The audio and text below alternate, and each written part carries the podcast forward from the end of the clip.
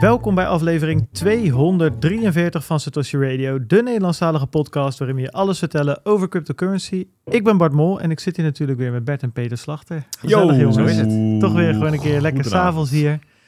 Ik zit het cameraatje even te kijken. Ja, we hebben iets anders eh, beeldstandpunt dan de voorgaande keer. Maar we zijn Nou, allemaal ik te vind zien. hem wel leuk. Ja, het is weer het anders. En we hebben ook gewoon nog... Lijkt eh, een soort fish eye lens. ja, hij is een beetje hij is op zijn, op zijn breedst, zeg maar. Maar we hebben ook nog de close-ups. Hè. maar zo zie je of, er wel lekker breed uit. of Stijn nog kijkt. Kijk eens, jongens. Dit is wel Ah. fantastisch.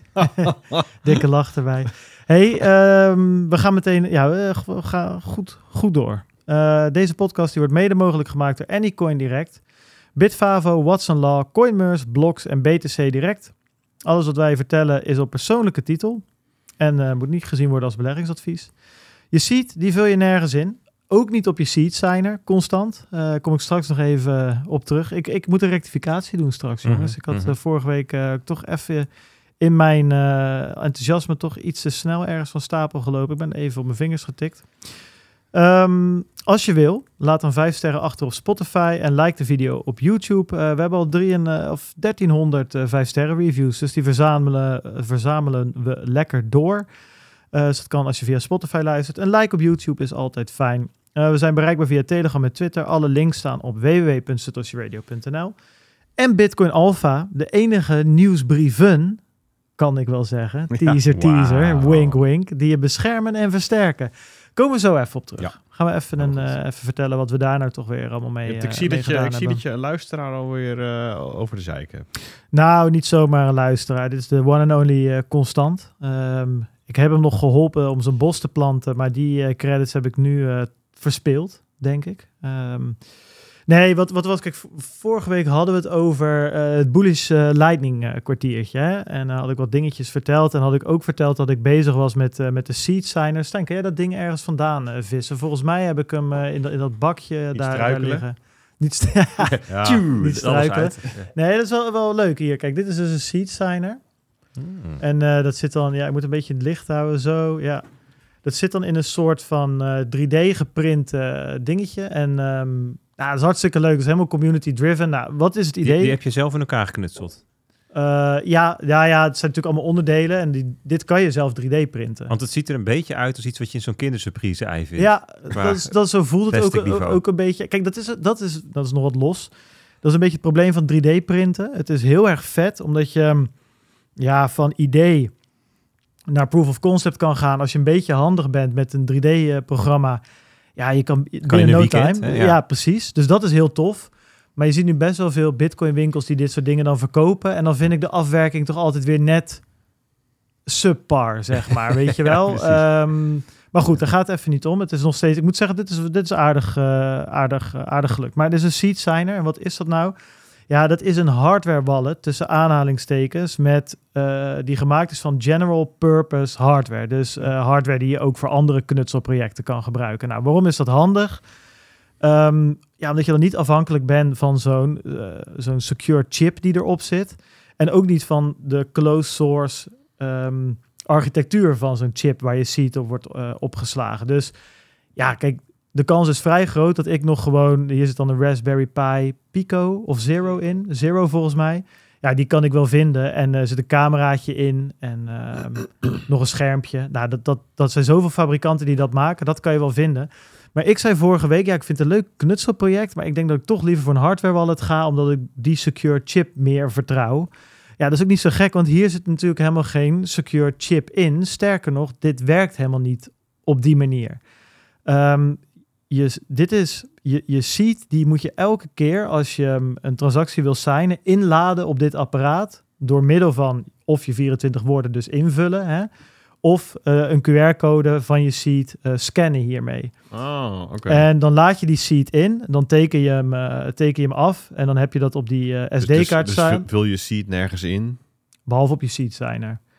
Hm. En dan is natuurlijk, hoor je veel mensen die zitten luisteren, die zullen meteen denken van ja, eh, hij moet trouwens op eh, USB worden aangesloten, dus dan gaat hij, eh, gaat hij pas aan. Het duurt ook een minuut voordat hij opgestart is. Je zit altijd een beetje te denken van, hmm, staat hij nou aan of niet? Maar anyway, kijk, het punt is dat veel mensen zeggen, ja, maar dan moet je elke keer je seed invullen als je een transactie wil doen. Dat is toch super onhandig? Ja, dat is natuurlijk ook zo. Als je vaak een transactie wil doen.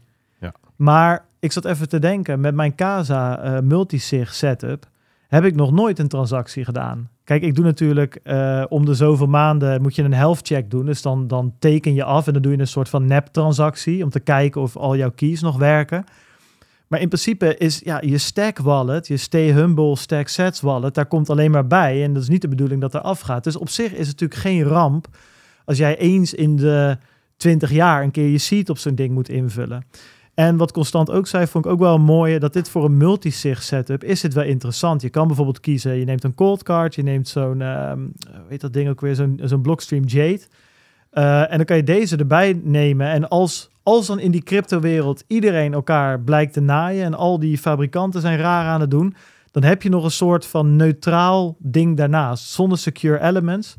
Dus ehm, het enige is dat je ziet, eh, wat normaal gesproken natuurlijk je backup is, is in dat geval ja, niet meer je backup. Het is letterlijk gewoon je wallet. Ja, je seed wordt je inderdaad. wallet.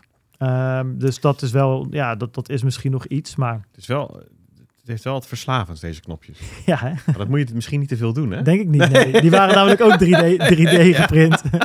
ja, ja.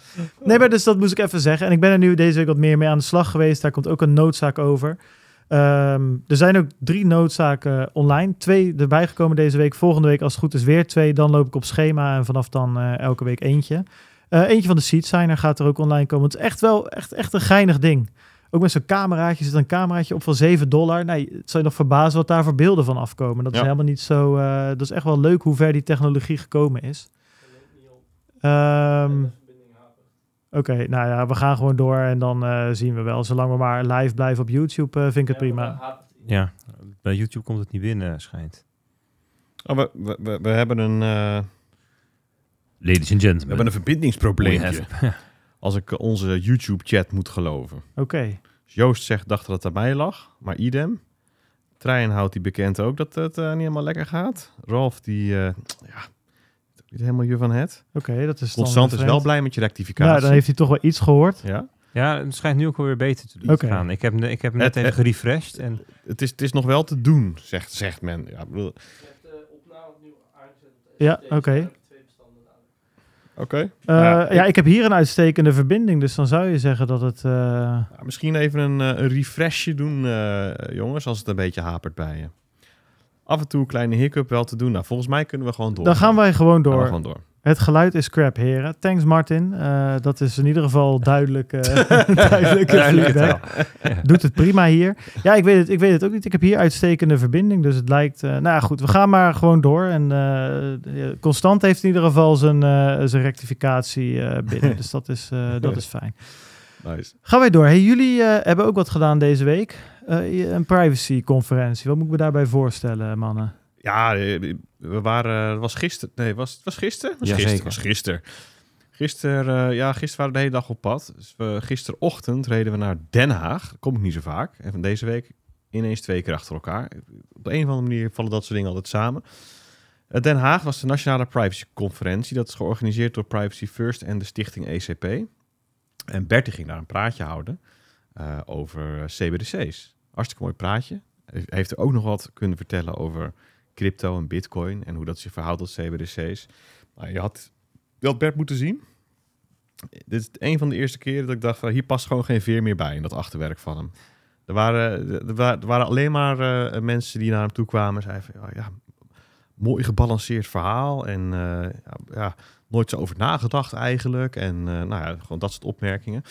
Maar dat was leuk, was Ja, goed. Ja, één Ja. één- één dingetje voor je. Wat ik dus heel vet vond. Ik had één ehm, metafoor uiteindelijk voor. ehm, hoe, hè, dus dus we, we hebben het vaak over programmeerbaar geld en bestedingsvoorwaarden. En dat zijn allemaal best wel technische dingen. En ik had dat eigenlijk platgeslagen tot geld met een mening. Geld met een mening over hoe je het besteedt, waar je het besteedt, aan wie het betaalt enzovoort. En die metafoor, die kreeg ik later heel veel terug van mensen. die zeiden, Ja, dat, dat vond ik echt, dat, dat, dat is echt een goede manier om. En iemand zei, ja, het is niet alleen een mening, het is ook geld met een oordeel. Dus, dus mensen waren er Ja. echt over nadenken. Dus dat vond ik wel, eh, wel vet, dat dat een beetje in beweging kwam. Ja. Ja, zeker. zeker. Het, het, het viel me nog tegen eigenlijk dat dit publiek nog niet meer geïnformeerd was dan, dan het Mhm, al was. Eigenlijk, zeker. Voor, voor zo'n Ja, maar dat sowieso- Komt op een privacycongres, iedereen met naamkaartjes en zo, weet je wel. Dat je denkt, Ja, maar goed. ik had er allemaal verwacht, mensen als stik met zo'n zo'n racehelm op, weet je wel. Maar, Beetje zoals de Rational Root Ja. rondliep Ja, op, of hoe heet Bitcoin hij nou ook weer? Die gozer die laatst zijn bitcoin eh, kwijt was geraakt. Luke Jazz Jr. Die liep toch altijd met van die eh, gasmaskers op al die kop- die waren wij, Stijn, waren wij die niet in Miami Ja, dat was tegengekomen? een corona-ding. Dat was een corona-ding. Ja, nee, Ja. natuurlijk. Maar dit was een gasmasker waarbij je denkt, nou ja, goed. zo jaren zestig. eh, Ja, je wordt ook Die had niet er nog liggen op zolder. Nee, dat is echt een hypermoderne hij. Dat was echt, ja, nou goed. Maar goed, na Bert kwam eh, Simon Lelyveld op het podium. Mm. De Lely. Nou, en dan moet je weten, er zat iemand, ja, het was niet eens een heel groot publiek. Ik denk een mannetje of 100, 100 of zo, Ja, anders denk ik zoiets. 50, 200. Ja. En ehm, eh, het waren allemaal vrij rustige mensen. En er zat één iemand, dat is een meneer van ABN AMRO. En op de een of andere manier had hij overal een mening over. Vond hij dat heerlijk om die te uiten. Maakt eigenlijk niet uit op welk moment. Hij steekt zijn hand op en begint met praten in plaats van dat hij het woord krijgt. Ehm, en hij verpakte dan het stellen van een vraag. of Die pakte die in met een introductie van 10 minuten. Eigenlijk nam die gewoon de spreekbeurt van de spreker. Zo'n type. Dus, ja, na twee keer dacht je al van, "God, wat, wat heb je nou niet door dat je nou gewoon de hele, het hele programma aan het verkrachten bent? Nee, had hij denk ik niet door. Simon, al die sprekers heel netjes, hè? Ja, meneer. Ja, Oké, ja, goed punt. En eh, die ging gewoon mee in gesprek. Nee, hè? Simon die was er klaar mee. Si- Simon loopt het podium op en, en die had een missie. Ik ga mijn verhaal vertellen. En hij, ik denk dat hij zich eigenlijk al, al op had gefroten Ja, aan de kantlijn zo van... Jongens, deze man, die heeft te veel spreektijd gehad. Maar hij begon ook weer zijn hand op te steken en te praten tussen Simons... eh, pra dus, dus, maar, maar Simon staat daar zo en zegt van... Nee meneer, nee, ik ga door met mijn verhaal. Dus hij begint hem gewoon af te wijzen. Dat moet je natuurlijk niet doen bij zo'n zo'n vent. Maar goed, hij weer terug is hok. Nou, en op een gegeven moment werd dat een soort running gag. Ik heb dat, dat stukje dat, dat Simon dat even aankaart Ja, gewoon even. Dus ik, ik zet even mijn audio aan en hoop ik dat dat werkt. Ja, wel, de Bluetooth Ja. werkt, dat is een van de weinige dingen die wel Ja, vaak ik, ik goed werkt. controleer even of die ook op Bluetooth ingesteld is. Ja, oké, dan gaan we. Ja, dit, dit snap ik niet. Dit is mijn laatste verkeerssituatie waar ik nog middenin zit. Laat ik het zo zeggen. Waar we met z'n... Nee, u mag niet. Waar we met z'n allen... eh, nee, ik, ik vind het een heel mooie running gag worden op deze manier. Maar het gaat echt niet gebeuren. nee, er zijn echt veel te veel mensen in de zaal. en Ik loop enorm achter. Ja, dat is toch mooi? Ja, maar zo moet het ook, Ja. weet je. Dit was gewoon de derde keer hè, dat hij, dat hij, dat, dat hij die, die, die gast in zijn hok terug moest duwen. Ja. En eindelijk zat hij daar. Ja. Zat hij daar. Maar vond ik heerlijk. Denk, ik, Ja. ik gooi het er even in, want Simon die komt straks nog een keertje terug in de, in de show. Ja. Maar dan een andere context. Dus Oh, dit ja. dat was eventjes de Nationale Privacy Con. Heb ik jullie even meegenomen naar gewoon iets wat... Ja, ik vond het prachtig. Dus kudo's daarvoor, eh, Simon. Ja, en dan... eh, ja, wat nog meer. We hadden het even over Bitcoin Alpha, hadden Ja. net even. Ehm, we hebben vandaag een, een super vette, mooie, prachtige, gelikte aankondiging daaruit gedaan. Een announcement hè, van een Eh, announcement. Nou, het, is niet, het is niet van een announcement. Het is echt een announcement. Ja. We hebben gewoon, 100%. announcement. We hebben eigenlijk, kijk, wat Bitcoin Alpha werd de afgelopen zes maanden, dat werd gewoon elke vrijdag een hele mooie, dikke krant op je digitale deurmat. Ehm, en daar zat in een marktupdate, een nieuwsoverzicht, verdiepende stukken, eh, Een lees- en luisterwerk. eh, gewoon iets waar je eigenlijk het weekend mee zoet bent. En dat is mooi, maar het was ook problematisch voor de lezer, want het werd gewoon veel om te lezen, maar ook voor de schrijver, voor ons, want wij hadden regelmatig hadden we zoiets van, eigenlijk willen we meer alfa geven. We moeten dit nog even uitdiepen. Dit zouden we moeten toevoegen. Ja, hm, gaan we het wel of niet doen? Laten we dingen weg. Gek eigenlijk. Ik dacht van, joh, dit is en heel waardevol. Maar je zou het eigenlijk uit elkaar moeten... We gaan het gewoon doen. We gaan het uit Ja. elkaar trekken. Dus we, we, we, we laten de round-up voor wat die is. Die, die parkeren we. Die, die, die zetten we even op een zijspoor en die komt niet meer terug. En in plaats daarvan gaan we vijf producten leveren. Dus we, we trekken het los. Alpha Markets, Alpha Nieuws, Alpha Deepen, Mhm. Alpha Alerts. Dat is eigenlijk onze EHBO, eerste hulp. eh, ja, niet bij ongelukken, maar bij, bij Nou, onrust. Ja, maar wel Ja, dus dus als FTX. Bij eh, is, eh, ongeplande de- de- koersbeweging. Ja, Ja. of, of als er FUT is. Dat wordt altijd heel erg gewaardeerd. En Alpha Insights. Gewoon dingen die wij geleerd hebben en die delen we dan.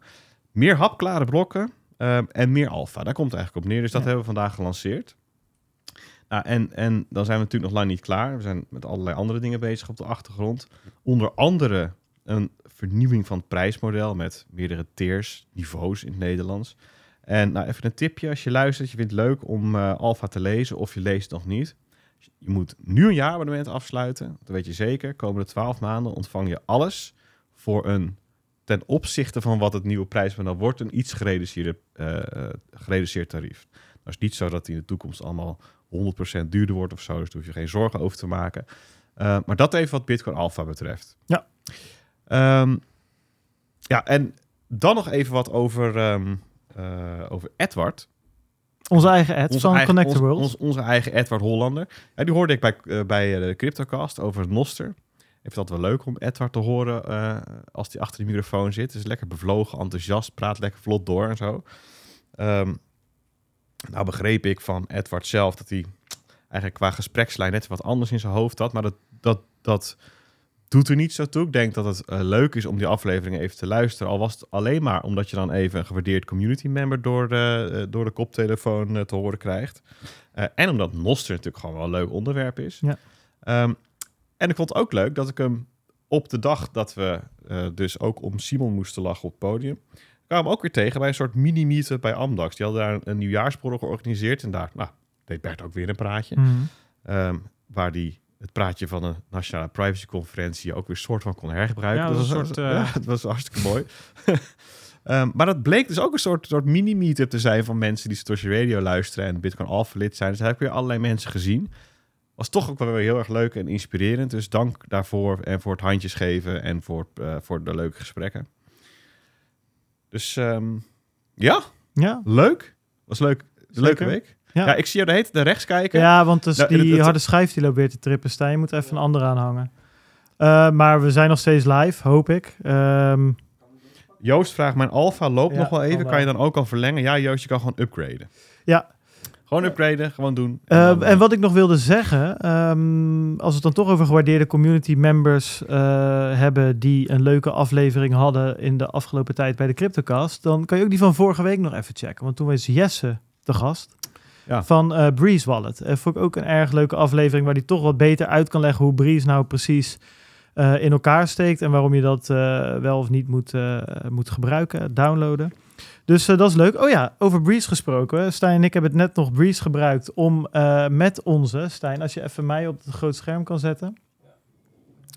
dat is wel- ja. Het is gelukt. Kijk eens wat we hier... Ja, ik kan het soort van een beetje hier laten zien. Kijk, ja, ja, ja. Dit is top. Kijk eens, jongens. Moet je kijken hoe mooi. Dit zijn onze eigen Satoshi Radio Lightning NFC-kaarten. Dus eh, een vers van de pers. Eh, we zijn ze aan het testen. Deze werkt nu. Die heb ik aan mijn eh, wallet op eh LM Bits eh, aangesloten. En als het goed is, als ik nu naar Jan ga eh, en ik koop daar een biertje, dan, dan moet ik af kunnen rekenen met NFC. Gaan we ook inbouwen in de biertap. Dus als het goed is, als die binnenkort weer ergens te bewonderen is, dan, dan kunnen we daar ook weer mee aan de, aan de, aan de slag. Dus, dus dat is top. Ehm, hartstikke leuk. Ze komen ook ooit in de webshop die we nog moeten bouwen. Dus met de nadruk op ooit. We, gaan, we, we hebben er 150. Dus eh, ja. Dat lijkt, lijkt me genoeg voor eh, de Ja, komende weet- maand. Nou ja, moet je, ze- eh, oh ja, even shout-out naar Thomas, jongen. Want wat heeft hij zo... Kijken, joh. Het is echt, echt heel vet geworden. Glanzend oranje met mat zwart. Nou, dat kan dus allemaal. Je kan het zo gek niet bedenken of je kan het op zijn kaartje zetten. Gaan wij door naar de donaties. Ik check nog even of ehm, hij is weer bar en boos. Ja, ik snap er dan echt geen moer van. Nee, ja. Nee, laat, laat maar gewoon staan. Het is hoe het is. En eh, niet te veel bewegen. Refresh doet de trick. Ja, jongens, zolang het een beetje te, te, te doen is, eh, gaan we maar gewoon door. Maar hier, hier is die echt perfect. Dus Ja. ik denk dat er sommige mensen nog even moeten refreshen. Ja, klopt. Alleen er gebeuren wel een aantal dingen hier die niet horen, zeg maar. Maar goed, anyway, we gaan gewoon door. We zien het wel. We hebben sowieso altijd de audio nog. Dat is het mooie van dit systeem. De audio wordt los opgenomen. Dus eh, qua podcast, daarom moeten we ook door. Want anders is als podcast natuurlijk helemaal niet meer eh, te beluisteren. Anyway, donaties. Nou jongens, deze week wel aardig wat binnengekomen. Een donatie van TK, 45 euro. Nou, dat eh, is niet mis. Leander, eh, Roeland, Mark Kranenburg, 25 euro. VD en Pimmetje Pom. Eh, en, jongens, Leander en Mark hebben dat gedaan Ik ben wel handjes alvast aan het opwarmen hoor. van niks minder Ja. dan een eigen noot. Ja, dan weet je het. Kan je mij even de camera switchen staan? Dank u, hartelijk. Juist. Top. Eh, dan hebben we Connect the World. Nou, die zijn weer uit een winterslaap gekomen. Eh Etje, die zat niet alleen bij de CryptoCast, maar ze hebben ook een nieuwe aflevering afgenomen, eh, opgenomen samen met Stef. Ross Savage is te gast van Satimoto. Ik heb het even gecheckt. Met Satimoto kan je je elektrische auto opladen en dat betalen met sats. Dat heb ik nog even gedubbelcheckt bij Stef, maar die stuurde mij een, een rare gif terug. Dus ik ging er maar gewoon vanuit dat, dat dit klopt. Ja, dat is de manier hoe ze daar intern Eh, communiceren. Ja, schijnbaar. En dat- nou, als het niet klopt, Stef, als Satimoto iets heel anders is, dan mag je nu in de chat uitleggen. Ik heb geprobeerd mijn due diligence te doen, maar als ik geen reactie of een gekke reactie krijg, dan, dan is dit wat het is. Oh. Wat? Eh, Hij, hij, hij knippert weer. Ja, nee, precies. Dat zei ik net tegen zij. Ik knippert de hele tijd. Dus die opname, daar, eh, die heb ik al afgeschreven. Maar als we live blijven, Ja, hoor. als we live blijven, dan hebben we dat gewoon. En ehm, ik zie Stijn ook op allemaal dingen drukken. Nou, We gaan gewoon verder. We gaan gewoon We- verder. We, hebben, zijn, we, hebben de audio nog. we zijn bij een mooi deel aanbeland ook. Ja, de marktupdate, zo is het. Zullen we eens even... ik vond het een lek... Ik zit even te kijken. Vier, ja, ik moet even wachten tot hij ververst is eigenlijk, mijn De blokklok. blokklok. Nou, de vraag... de- 4338 sats per dollar, Bert. Eh, is Ja, dat, is- time, hè? Klinkt... Dat is best lekker. toch Drie- weer? 43 uur. het is, eh, het is eh, half, eh, half 44 inmiddels in Moskou. Maar de vraag is even aan Stijn. Kan mijn ehm, eh, scherm wel eh, In beeld erin? komen. Of gaat het, ontploft het dan? Want Nee, nee, dat... dat hier, ja. oh, kijk eens Hoppakee. even. Schitterend, jongens. Ik zal nog even mijn dock wegdoen. Hebben we nog even Zo, iets meer scherm. hallo jongens, dit Kijk voelt als thuiskomen Zo. hoor. Zo. Zo. Ja, dit is... Kijk, we kijken hier naar de ehm, wekelijk, wekelijkse grafiek, de week, weekgrafiek van, ehm, van Bitcoin. En daar heb ik gewoon het lijntje op getrek- getrokken. Dat is eigenlijk wat ik doe. Dat is mijn... eh, Lijntjestrekker. ja, de- dit lijntje bijvoorbeeld, die, ehm, ja, dan moet ik hem even op maand zetten. Dan maakt het nog iets meer sens. Die, ehm, die zegt iets over, het, over een belangrijk niveau in de vorige boel- en bearmarkt. Ja, dat is echt lang geleden, 2017, 2019. Daarvan hadden we wel eens gezegd, nou ja, dat, dat zou toch wel echt een beetje veel, veel lager verwacht ik die bodem niet, zeg maar, deze, deze bearmarkt. Dat ligt op, op, op 13.800. Het was namelijk de top in 2019 ook. Het was gek, jongen, in 2019 had je die bodem in 2018, hè, was ehm 15 december 2018. Een jaar, nou ja, volgens mij precies een jaar na de top in 2017. Die we ook allemaal niet verwacht hadden. Dat was, echt gekhuis, jongen, 2017, als je daaraan terugdenkt. Maar dus 2018 en toen ging naar beneden. Toen 2019, ehm, in april of zo, ging die ineens weer stijgen. Echt als een raket omhoog. Nou, heel vergelijkbaar gevoel met wat we de afgelopen weken hebben meegemaakt. Alleen toen ging die koers dus door naar 14.000. Vanaf 3.000 naar 14.000 keer 4, Keer 4,5. 4,5. Ja, iets meer dan keer 4. Keer vier. Ehm, dat was toen, dat was die top. En dat, nou ja, dus daar, daar kijk je naar. En dan zie je als je dan ja, hiernaar kijkt, naar deze grafiek, dan, dan zou je een falling wedge kunnen zien. Hè? En ehm, ik heb nog stippenlijntjes getekend. Als we wat grote, lange gemiddelde aanzetten. En dan zie je die hier bij elkaar komen rond de 25.000. Nou, daar hebben we het vorige week ook wel over gehad. Hè? Die 25.000, dat is wel niveau waar wat gebeurt. Hè? Dat is ook het, het, het, het hoogtepunt van v- 15 augustus. Hè? Dus na de Celsius crash was dat het hoogste puntje. Dat dat is de, de laatste top, zou je kunnen zeggen. Dus we hebben het wel eens over bull en bear trends, bull en bear markten. En wat, wat karakteriseert nou een bullmarkt? Nou, hogere toppen, hogere bodems. Even heel simpel gezegd, met andere woorden, het gaat naar rechtsboven toe. En een bear trend is precies andersom. Hè? Dat gaat lagere toppen, lagere bodems. Dus ja, we willen uiteindelijk een keer een top zien hoger dan de top van 15 augustus. Dus daarom die 25.000. Dat is een belangrijk dingetje. Hieronder, dan zie je de RSI. Dat is een momentum indicator. En ehm, dan zie je helemaal rechts zie je een soort, ja, wat is het? Een soort periscoop. Het monster van Loch Ness komt boven het water uit. je kan er oogjes in Lijkt wel een beetje, ja. Maar die, die, die lijn... grote bochel daarachter, Ja. die al boven water is. Nou, je, zie- je ziet dus dat de RSI, de week RSI, dat die, die was op, zo hoog, op het hoogst ehm, in januari 21 op s- eh, 96, echt heel hoog. En dan zie je dat Ja, lager zijn en toen lager, hard lager. omhoog gegaan, zeg. Ja, dat is echt niet normaal. Joh. En ook, je ziet, dit zijn dus weken. Je ziet heel af en toe een week met Bliepje. met rood. En dat is dan ook echt een mini beetje. En ja, dat was echt, echt wel gek. En die, die brak dus al eh, in de week van 2 januari daarboven uit die RSI. En dan zie je, dat zie je dus vaak dat het momentum voorafgaat aan de prijs. En daarna komt de, de prijs ook. Want de prijs is nu uit deze falling wedge aan het breken. Of in ieder geval daar wat tegenaan aan het duwen. We willen eigenlijk een week sluiting erboven. Nou, die week is nog niet, niet gesloten. Dus was over drie dagen. Dus nou ja, we kijken dat nog even aan. Maar dit is wel interessant, hoopgevend. Het Gaan we- het is wel uitbreken in slow motion als je dit zo ziet. ja, maar dit is een weekkaart. Hè? Ja, dus dit, zijn, dit zijn stappen van weken. Dit, dit, kijk, dit is het niveau waarop je grotere trends kunt gaan callen. Nou, uitbreken in slow motion. Ik vind dat twee mooie candles hoor, als Ja, ik er dit- zo naar kijk. Dit ja, zijn maar die candles... zijn nog allemaal onder, de, onder die trendlijn. Ja, dat, dat, dat wel. Nee, Nee, ik wilde nog twee van dit soort zien, zeg maar. Ja, en je wil dus eigenlijk na die uitbraak boven die 25 komen, zodat je boven het ehm 200 en het 50 weeks gemiddelde zit. Ja, en de- boven die 25.000. En- Daar, daar wilde ik je wat over vragen. Ja, misschien kom je nog op terug. Ik weet niet waar ik dat nou... Ik zag het veel de week weer ergens langskomen. Maar misschien is het nog wel leuk, want ik zie dat ze hier bijna kruisen. Ja. Is, betekent dat nog wat in de, in de TA-wereld? Ehm, want eh, Nou, ja, welke dus- van de twee is welke? Zeg maar, ik zie hier twee lijnen. Eentje... bovenste is de 50 Ja. weeks en ons is 200 weeks. Dus dan heb je het over een jaar en vier jaar Ja. gemiddelde. Hè? Dus dat zijn hele lange, trage gemiddelden. Die dus echt wat zeggen over langere trends. En ehm, En wel grappig dat ze bijna gelijk liggen met de huidige prijs. ja, dus dat... Ja, dus, dus vaak, vaak heeft men het over het 50 en het 200 daags gemiddelde. En dan Ja. heb je het over een golden cross of een death cross, hè, is dat ja. En dat zijn dan een soort van eh, ja, eh, eh, eh, punten van let, let op. Het zou wel eens kunnen zijn hè, als, het, als het gemiddelde van de afgelopen tijd onder het lange termijn gemiddelde komt te liggen. Ja, dan is- je trend aan het, weet je zo, zoiets. Hè. Ehm, en, maar omdat dit ehm, zulke langlopende gemiddelden zijn, is dit een ontzettend lagging signaal. Dus dit gaat nu negatief kruisen.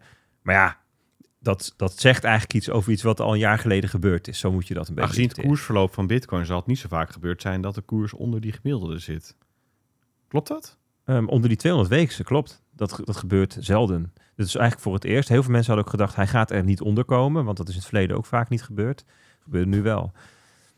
Maar goed, dat, dat, dat, la, la- laten we dat even wat het is. We gaan even één, één niveautje dichterbij kijken. Driedaagse kaart. Dus dan kijken we echt naar de afgelopen twee jaar. Wat? Sorry. Drie Ehm, dagen kaart? Ja, dus elke candle is drie dagen in plaats van een week. Oh, dan heb je flink uitgezoomd. eh. Nou, dit was, dit was die eh, van een week per candle. En nu zitten we op drie dagen. Ja, Dus dan Ja, zie je ja. het ietsjes dichterbij. Ehm, willen we daar nog wat zien? Ja, dan wil ik eigenlijk die ehm 200 weeks weer even intekenen. Ik wil ook graag de realized price zien. Ehm met 50 weken, laten we die ook maar doen. En 200 daagse. En dan hebben we even wat... Die 200 daagse moving average, die komen we straks nog even op terug. Dat is die waar we van de Mayer multiple, waar we het vorige Ja, week ja. over hadden. Ehm, en die realized price, dat is, de, dat is dus de, ja, de, de koers waarop gem- de gemiddeld elke UTXO, dus elk stukje bitcoin, voor het laatst bewogen heeft op de, op de blockchain. Dat noemen ze ook wel als de cost basis. Hè? Dus tegen welke koers is er ingekocht? Dus sta je daarboven, dan staan we gemiddeld op, op winst en daaronder staan we met z'n allen gemiddeld op verlies. En dat, is wel, dat, dat heeft in in het verleden vaak geïnteracteerd met de koers rond bodems. En dat zegt wel iets over sentiment en over hoe mensen erin zitten en zo. Dus wat we zien, en die, rond die 20.000 was een opvallende plek. Ik bedoel, dit pijltje staat er nog van, van eh, vier weken geleden, dus ik kan even weg. Hè, want daar, daar heb je dus die 200 daags gemiddelde. De Mayer multiple is 1. En de realized price. En dan op 25.000 ook een opvallende plek. Dan heb je die top die we net zagen. En die twee gemiddelde die daar bij elkaar komen. Ehm, ik heb die falling wedge, die grote, weer even ingetekend, maar ook een kleinere. Want als je weer gaat inzoomen, krijg je ook wat kleinere patronen te zien. Ja, daar zijn we dus, die kleinere, daar zijn we echt eh, met vlag en wimpel uitgebroken. Die kan weg. Die, kan, dus ja, die zou je kunnen weghalen. Dus wat je eigenlijk ziet gebeuren, is dat ehm, eh, wat eigenlijk een eh, hele duidelijke neerwaartse trend was. We, we hebben wel eens die bassins waar elke keer met het watervalletje naar het volgende bakje ging. Die, dat patroon is nu ehm, eh, eh, aan het omkeren. Betekent dat dat we, dat we dan dus in de boelmarkt zitten? Nee, dat hoeft niet.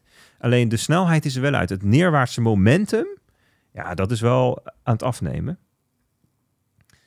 Ehm, kijken we nog iets verder, nog iets dichterbij.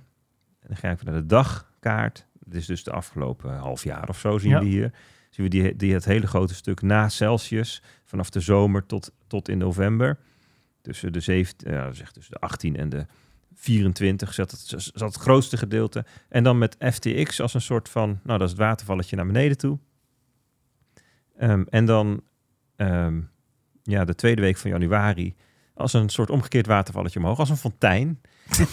ja, zo doen we dat. Hartstikke idee. Vulkaan. Een vulkaan. Nou, Ik kijk, heb soms het idee, Peet, dat hij hier een soort van... dat dit zijn zandbak is om te kijken van wel... wat wordt mijn...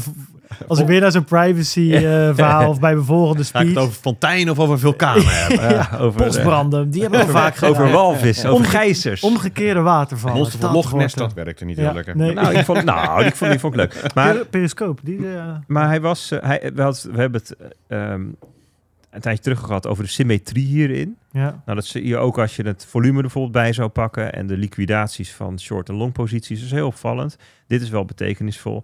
Nou, we zien dus inmiddels dat we inderdaad een stapje hoger gegaan zijn nog en nu rond die 22,5, 23 zitten. Gisteren eventjes, wij zaten terug in de auto, ineens, huh, het is 23,7. Ja, dat ging het, maar goed, het, bleef nog, het blijft nog even hier. Ehm, ja, hieronder heb ik een, ehm, een me- me- metriekje gemaakt die de ehm, rate of change neerzet van de afgelopen zeven dagen. Dus hoeveel hoger of lager is de koers nou nu dan zeven dagen geleden? En dan zie je dus dat er een aantal dagen is geweest dat die koers ongeveer 24% hoger was. Nu zitten we zo rond de 10%. Dus dat betekent dat we al een week lang de koers elke dag ongeveer 10% hoger is dan een week daarvoor. Dus dat is op zich nog steeds wel vrij stevig. Als je verder terugkijkt, zie je weinig zulke lange periodes van elke keer stijging. En je moet best wel een eindje terug. eh, wil je een plek te- tegenkomen Ja. dat het hoger is. Dan zit je zo'n oktober 2021, juli 2021. Ja, en als je natuurlijk, we zaten net het hele snelle stuk stijging. Ja, Ja. daar heb je een paar hele stevige stukken met 35% in zeven dagen, weet je wel. En dat meerdere keren. Dus nou, dit is wel nou, in alle opzichten een hele eh, ja, eh, ja, betekenisvolle eh, stijging. En we zitten dus nu, pakken we even het ehm, price range tooltje erbij, vanaf die 14.500. Ja, gisteren, hè, gisteren zaten we dus 54% boven de bodem al tot nu toe. Ja, dat, is, dat is natuurlijk best wel een mooi getal. Hè? Dat, ehm, ja, nog maar twee verdubbelingen. En dan zitten we dik op een nieuwe all-time high. Zo Ja, simpel kan het- 23, zo simpel kan het leven zijn. 46, Ja. 92. Maar, maar wie, wie, wie, wie, wie doen dit? Wie, wie kopen er? Hebben we daar iets over? Ja, ik heb hier een lijst met namen. nee. Ja, dat is, dat is interessant. Ik denk wel dat ehm, eh, de, de- wat, ik, wat ik zo lees, ik lees wel, ik volg wat accounts van mensen die, eh, die de flows in de gaten houden. En dat, dat, dat spot wel de, de, de drijvende kracht is. Hè. Dus dat zijn mensen die gewoon rechtstreeks bitcoin kopen en niet via de futuresmarkt eraan blootgesteld zijn. Ehm, je ziet ook elke keer ehm, liquidaties plaatsvinden bij die dingen omhoog. En dat is natuurlijk niet zo gek, hè, want er zijn natuurlijk best nog wel mensen die short zijn of gehedged zijn. En die hebben pech, die, die mensen. Dus die worden in hun hok gestuurd. Ja, ik denk, hè, als je reëel bent, dat ehm, we niet in één keer door die 25 heen gaan. Hè, dus het meest voor de hand ligt dat je eerst nu richting 24, half 25 gaat. Dat je daar echt die weerstand tegenkomt, waar allerlei mensen zeggen, joh, dit gaat hem echt niet worden nu. Daar ook niet in geloven, een short positie innemen. En dat dat inderdaad het geval gaat zijn, dat je dan naar beneden gaat. Misschien de 19,5 test. Hè, dat, Dat zou... zou verdomme precies weer passen in mijn eh, DCA-schema. Dat ik net even die 24 koop morgen. Dan weer terug naar de 19. dat je weer... en volgende maand gewoon weer eh, zijn we eindelijk door die 25. Dat je ja. nog pech hebt. Kijk, hier, ik heb hier die Mayer multiple waar we het net over hadden. Hè, dus dat is de koers ten opzichte van 200 daags gemiddelde. Ehm, is die onder de 1, dan eh, ligt dus de koers onder dat gemiddelde. Is die daarboven, dan ligt die daarboven. En is het boven de 2, dan zit je in het gebied ja, waar, de, waar, het, waar het, ehm, de koers overextended is, zeg maar. Hè, noemen ze dat. Dus dat betekent ver boven het gemiddelde. Hè, dus dat, daar zit, daar, eh, dus die, het kan ver vallen, zeg maar. Het kan, kan, het kan, kan diep naar beneden. En dat zie je rond toppen. Dus ehm, en ik, ik heb bovenin de, de, de, de, de serieuze periodes van stijging, de boelmarkten. En dan heb je het wel over in dit geval van 200 naar 20.000. Dus hier zit een keer 100 in, in dit groene vakje. En deze ging van, eh, van 4000 naar, eh, nou dat was natuurlijk wat minder hoogstijn, naar 70.000. Ehm, ja, en dan zie je dat het uit dat onderste stuk gaan, hè, dus van, van onder de 1 naar boven de 1, va- meestal best wel een interessant instapsignaal is. Hier, zie je het gaat er naar boven en het komt er eigenlijk pas weer, eh, weer onder. Hè. Je zou kunnen zeggen van als het wel dan later onder de 2 komt, dat is een soort van verkoopsignaal. Dat, dat is best wel een aardige manier om naar kijken. En dat zie je in 2015 ook. Als het daar eenmaal boven komt, ja, dan zit je best nog aan het begin daarvan. Ehm 2017, of het is 2019, hè, dus dat is na de, eh, de, de vorige eh, bearmarkt, ging er ook gewoon eruit en dan ook meteen een stuk omhoog. Ehm, deze heeft wel een iets ander verloop. Je hebt ook nog op een gegeven moment corona natuurlijk, die het eh, wat uit zijn voegen trekt.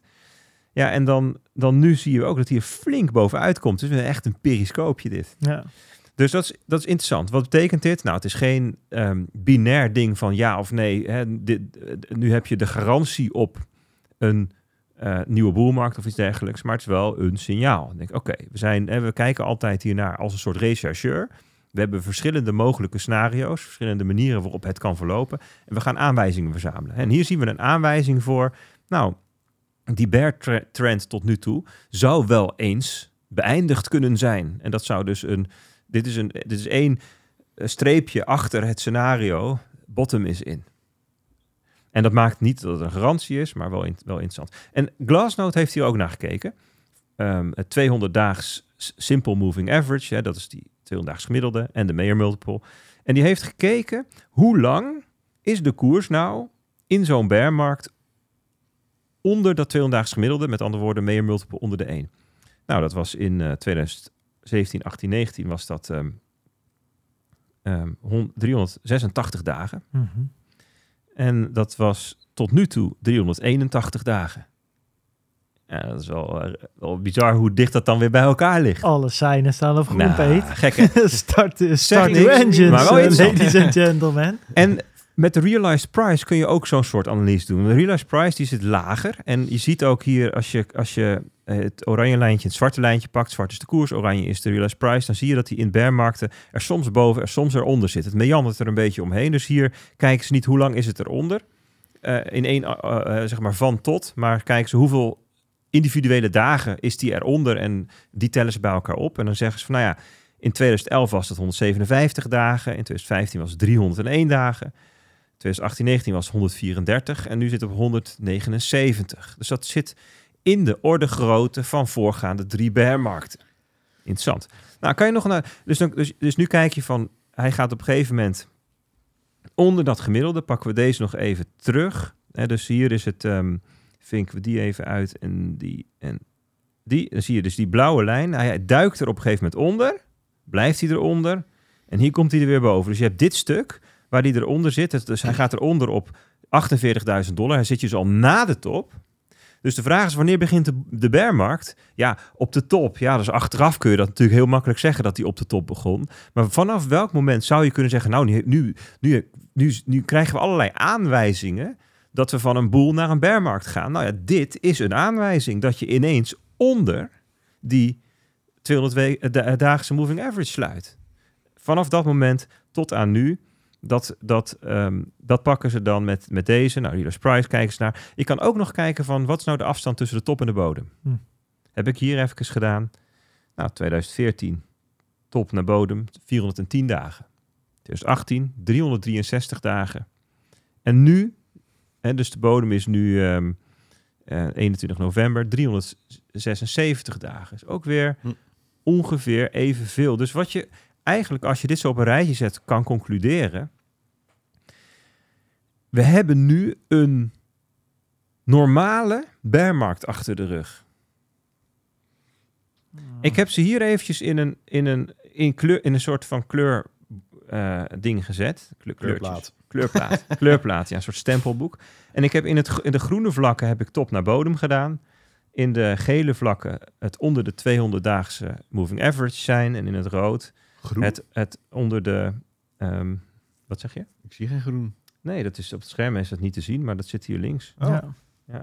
En, en het rood is het, het onder de um, realized price zijn. Ik denk dat aan onze ogen ligt. Dat we zo lang al in die bearmarkt zitten. Ja, dat, dat, we groen dat, gewoon niet meer te zien. dat hele... Ja. Dat, dat, Ja, ik noem je dat- dat? Dat, eh, dat pionnetje in je ogen, die cone, zeg maar, die die kleuren ziet. te veel eh, rood gezien de afgelopen tijd. Precies, Ja, precies. ik kan het niet makkelijk bijstellen. Maar ehm, als je zo visueel kijkt, dan denk je, ja, dat, die drie bearmarkten die lijken ook op elkaar. Ze hebben eenzelfde soort patroon van het top naar bodem, van het onder de 200 moving average zijn, het onder de realized price zijn. En dan, Ik vind wel mm, dat ehm, van mij mag je die bear market in 2018 gewoon helemaal doortrekken tot aan die corona crash. Nou, dat is mijn volgende punt. Oké. Ehm, Nou, bij we, hebben nu, we, hebben nu, we hebben het nu over het dalende stuk van de bearmarkt. Ja. Maar de bear, wanneer is de bearmarkt afgelopen? Ja. Hè, ehm, dan kun je natuurlijk ook eh, allerlei ehm, punten kiezen. Is die afgelopen op de bodem? Ja, niemand wist op 21 november dat het de bodem was. Ik bedoel, Ja. ook als je gaat kijken naar allerlei peilingen en zo. Zegt, wanneer dan? Ja, als die weer boven de 200 moving average komt. Dan zeggen wij, nou jongens, dat is wel een vroeg signaal. Ja. Nog geen zekerheid. Wanneer dan? Als die boven de voorgaande all-time high komt. Nou, dat is wel het punt dat iedereen het ermee over eens is. Nou, nu zijn we er wel echt uit. Hè, dus Ja, ik vond die corona crash wel zo- zo'n leverstoot die je nog even kreeg terwijl je nog herstellende was. Dat was voor mijn gevoel nog wel echt dat ik dacht van toen we dat overleefd hadden en zeg maar dat puntje dat je daar je ziet die Mhm. corona crash en Ja. dat je daar weer op een gegeven moment om, op het punt zat waar je voor die crash zat, dat je wel zoiets had, oké, nou we gaan toch niet allemaal dood. Dat zou voor mij zeg maar het punt zijn waar ik dacht, ja, maar dat, de vraag is natuurlijk, is dat cyclisch of is dat een schok? Eh, oh, ik zou hem zelf... maar de- ik, ik, kijk, ik, ik ben niet zo goed met al die metrics. Ik ga gewoon da- op dat moment op mijn gevoel af. Mhm. en, en hoe ik de community ervaar en hoe ik luisteraars ervaar. En, en hoeveel mensen er überhaupt nog met vragen komen. Eh, wat mijn moeder tegen me zegt op een verjaardag, weet je wel. Of het allemaal leuk is, wat we met crypto aan het doen zijn. Of dat het opeens gaat over boiling the oceans of zo. Dat zijn toch al een beetje sentiment dingen. Mhm. En ik vond die, die corona crash, weet ik nog wel, toen werkte ik nog bij PwC. Toen maakte iedereen zich ook echt zorgen om zijn baan. Van, eh, blijf Ja. hier nog werken of wordt die recessie zo erg? Daar had ik wel echt het idee van, oeh, dat Maar dat is, was eh, ook sentiment breder dan crypto hè, op dat moment. Zeker, maar dus- crypto is natuurlijk een, ja, toch ik- wel een onderdeel daarvan. Ik denk die vorige bearmarkt was eigenlijk best gek. Want ik denk dat, zo, dat zowel de 14k in 2019 ja, als de coronacrash eigenlijk een soort ehm, ehm, onregelmatigheden zijn. Ja, Dit was natuurlijk die plus token scam waar weet ik voor hoeveel honderdduizend bitcoin uit de markt eh, gescamd was. Dat is wel vraag naar bitcoin natuurlijk uiteindelijk. Eh, dus ehm, ja, dus, dus, dus zeg maar, de, de e- eerste helft van de bearmarkt is neergaand en de tweede helft is opgaand. En daarna krijg je eigenlijk pas die echte boelrun. Mhm. En nu is natuurlijk de grote vraag: wat krijgen we nu? Gaan we nu nog daadwerkelijk dieper? Wat sommige mensen zeggen. Eh, eh, naar nul als je het aan de ECB vraagt. Eh, of, of gaat deze bearmarkt nog een tijdje zijwaarts? Of krijgen we dan nu die fase die we vorige twee keer ook gehad hebben, die anderhalf jaar duurt hè, tot aan een nieuwe all-time high? En de anderhalf jaar lang naar een all-time high, dat gaat natuurlijk niet eh, lineair in dezelfde stapjes elke dag. Dus bijvoorbeeld in, ehm, zeg maar tussen september 2019 en september 2020, een jaar lang, hebben we rond die 9000 dollar gezeten. 9000, 8000, 9000, 10.000, 9000. Ging maar zo door, weet je wel. De hele stuk. 3000. En even tussendoor 3000. ja, ja, ja, ja, ja. En dat was in 2015 anders. Hè. Toen was het wel een beetje een grind-up, zeg maar. Van 350 naar 1000. Dat ging dan wel iets lineairder. Maar I don't know. Hè. Dus dat is de vraag. Ja. Zitten we nou... Waar zitten we nou op het punt? En ik denk dat je, je kunt dus zeggen, is mijn inschatting, we hebben nu een typische bearmarkt achter de rug. En de vraag is dus, is deze bearmarkt ook typisch die we Hmm. nu hebben? Ik vind dat we nog te veel vet op de pot hebben. We zitten er nog te lekker bij. Nou, een beetje ben ik dat met je eens. Hè? Want ik vind ook bijvoorbeeld dat er nog veel te veel eh, ehm, eh, altcoins zijn die echt werkelijk geen enkel eh, bestaansrecht hebben. Maar waar nog, die nog wel keer drie pumpen. Nou, ik zag er gisteren inderdaad nog eentje even een paar keer over de kop gaan. eh Aptos of zo. Klonk... eh, zijn er ook wel die wel daadwerkelijk zinnige dingen doen hoor. Waar, Oh, waar veel gebeurt. Dus Optimism bijvoorbeeld, die gaat, gaat lekker. Goed. Dit is eh, de titel van de Glassnodes Insight die deze week. Die zei, an opportunity or a trap? En, en dat, is, eh, dat is denk ik de vraag. Is dit nu een kans waar we nu zitten? Is dit daadwerkelijk, eh, is deze bearmarkt typisch en hebben we dus de bodem gezien? Of is dit een, een trap, hè, een bull trap hebben we het vaak over. Eh, een val voor de bulls. Dus de bulls die, zijn, die komen uit hun hok denken, yes, we zijn er.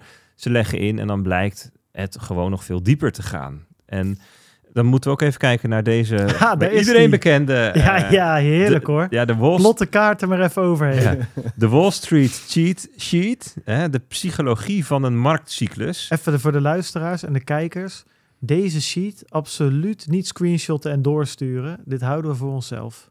Ja, Dit dit is een echt- cheat sheet. Ja. Dit heb je echt dit nog nooit langs zien komen. Nee, deze is, dit is die hele bekende met die, met die kleurtjes. En dat begint bij... ehm, eh, aan het begin van, het, van een boelmarkt heb je hoop en dan optimisme en dan geloof en dan uiteindelijk euforie.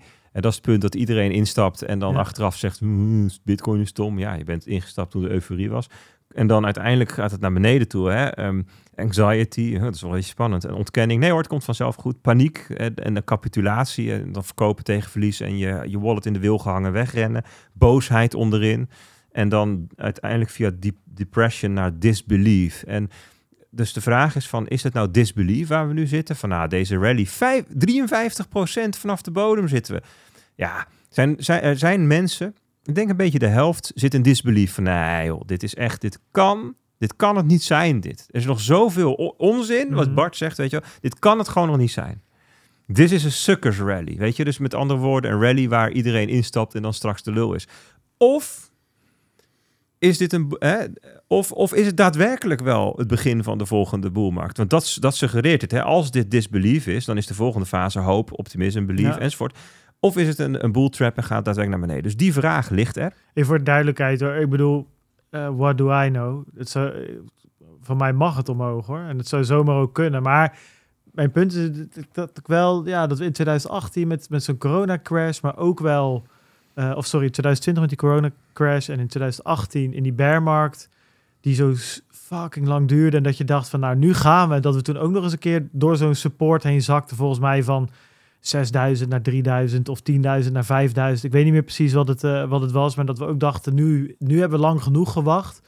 Ja, maar dat was dus allemaal vergelijkbaar met de periode rond Nee, FTX. Nee, precies. Dus dat, hij- dat, dat ben ik wel met je. Maar dat was. eh, ik eh, ik zie nu vooral inderdaad hele soort van objectieve waarnemingen in dagen en, en, en andere averages en dat soort dingen. Mijn punt is meer dat ik toen voelde ik me op een gegeven moment ook echt uitgeknepen en klaar Mhm. ermee, zeg maar. Negatief en, en alle. Het, het, het- dat, dat beetje uitzichtloos werd het op een gegeven moment. En nu heb ik zoiets van, nou weet je, er zijn nog best wel veel mensen die eh, allemaal lekker met Lightning bezig zijn. En eh, Ethereum merge is eh, goed gegaan. En Ja, maar- Bitcoin wordt lekker doorgetimmerd. En nou goed, er zijn wat bedrijven omgevallen. Maar bijvoorbeeld ook nu met Genesis en zo. Dat lijkt toch ook allemaal nu toch uiteindelijk wel een soort van met die chapter 11 wel goed te komen. Ja, bij FTX hebben ze 5 miljard teruggevonden, dat soort dingen. Ja, weet je, en, en, en, en, en ja, dat die regelgevers en die toezichthouders zijn dan wel streng, maar die, die, die schieten het ook niet per se meer helemaal af. Nou ja, goed, DNB misschien. nog. Maar mijn punt is een beetje er, ja, weet je, we zitten er lekker erbij, maar misschien komt het omdat je het twee Ja, keer hebt meegemaakt of Dat zo. denk, hè? ik, Dat, dat, dat kan denk ook. ik dat dat ook een rol speelt. Ja. Want, maar maar ja, ja, er zijn vers- verschillende manieren om naar te kijken. Ik denk de periode waar je het over had, hè, van eh, ehm, het op die 5.000, 6.000 dollar zitten en dan er doorheen zakken, dat is het, eigenlijk de hele tweede helft van 2019. En Ja. dan ineens krak naar beneden Ja. en dan weer omhoog. En datzelfde is een beetje deze periode nu. De hele tijd rond die 20.000 en dan krak naar beneden bij FTX en dan nu weer omhoog. Ja, maar die krak daar, dat was echt alsof mijn eh ruggenwervel brak. Ja, en, dit- de- en dit was meer, eh, ja, Klopt. je voet of Klopt. zo, weet je wel. Klopt. ook niet lekker, Nee, maar, dat, maar minder erg. met krukken kom je er wel overheen. Even kijken, we waren hier. Dit is dezelfde cycle als die cheat sheet Ja, van ja. Wall Street, maar dan gewoon een soort sinuscurve neergezet. Dit zie je heel erg veel. En allerlei, ook eh, gewoon eh, allerlei banken en zo, die, eh, de, de- de zakenbanken die dan wat, wat zeggen over de marktcyclus, die tekenen hem zo. En ehm, dit is er eentje, dit is wel grappig, van, ehm, van Jeroen True. True Insights. Dat is van Jeroen Blokland, onze eh, oude Robeco multi-asset eh, strategiebeheerder. En die, die, die tekende in eind november dit. Dus het was na de FTX-crash. En hij zei van, ja, je, ik, ik zet even wat, wat beleggingscategorieën op die curve van waar ik denk dat ze zijn. Nou, eh, de equities, aandelen, denial, fear, eigenlijk nog voor pessimisme, paniek en capitulatie. Commodities, ehm, in de buurt van paniek. Hè, met andere woorden, ehm, en dat zag je ook eind vorig jaar wel gebeuren, hè, dat heel veel eh, goederen eh, heel erg in prijs aan dalen waren. Hadden we toen ook over, hè, dat de olie weer goedkoper wordt en dus de, de gas en de koper en weet je, eh, voedsel. Dat allemaal goede dingen voor de inflatie zijn en zo, dat soort dingen. En hij, hij plaatste ehm, eh, treasuries, dat zijn dus staatsobligaties, al voorbij het laagste punt richting hoop. En hij plaatste toen bitcoin bij capitulatie. Hm. Dus bitcoin op een heel andere plek dan aandelen. Dat vond ik toen opvallend. Denk, oké, ehm, dit is niet een bitcoiner die dat eh, in hopium er neerzet, maar dat is iemand die gewoon ja, alle, alle asset classes, alle beleggingscategorieën bekijkt en dat dan zo ehm, ja, analyseert. En het, het zou dus niet gek zijn dat in die paar maanden Bitcoin verder is gegaan op die curve en daadwerkelijk voorbij de bodem is. Dus dat is een, een manier om er naar te kijken. Even in de vraag, hè, ehm, die Glassnode stelde, is het nou een opportunity of is het een trap?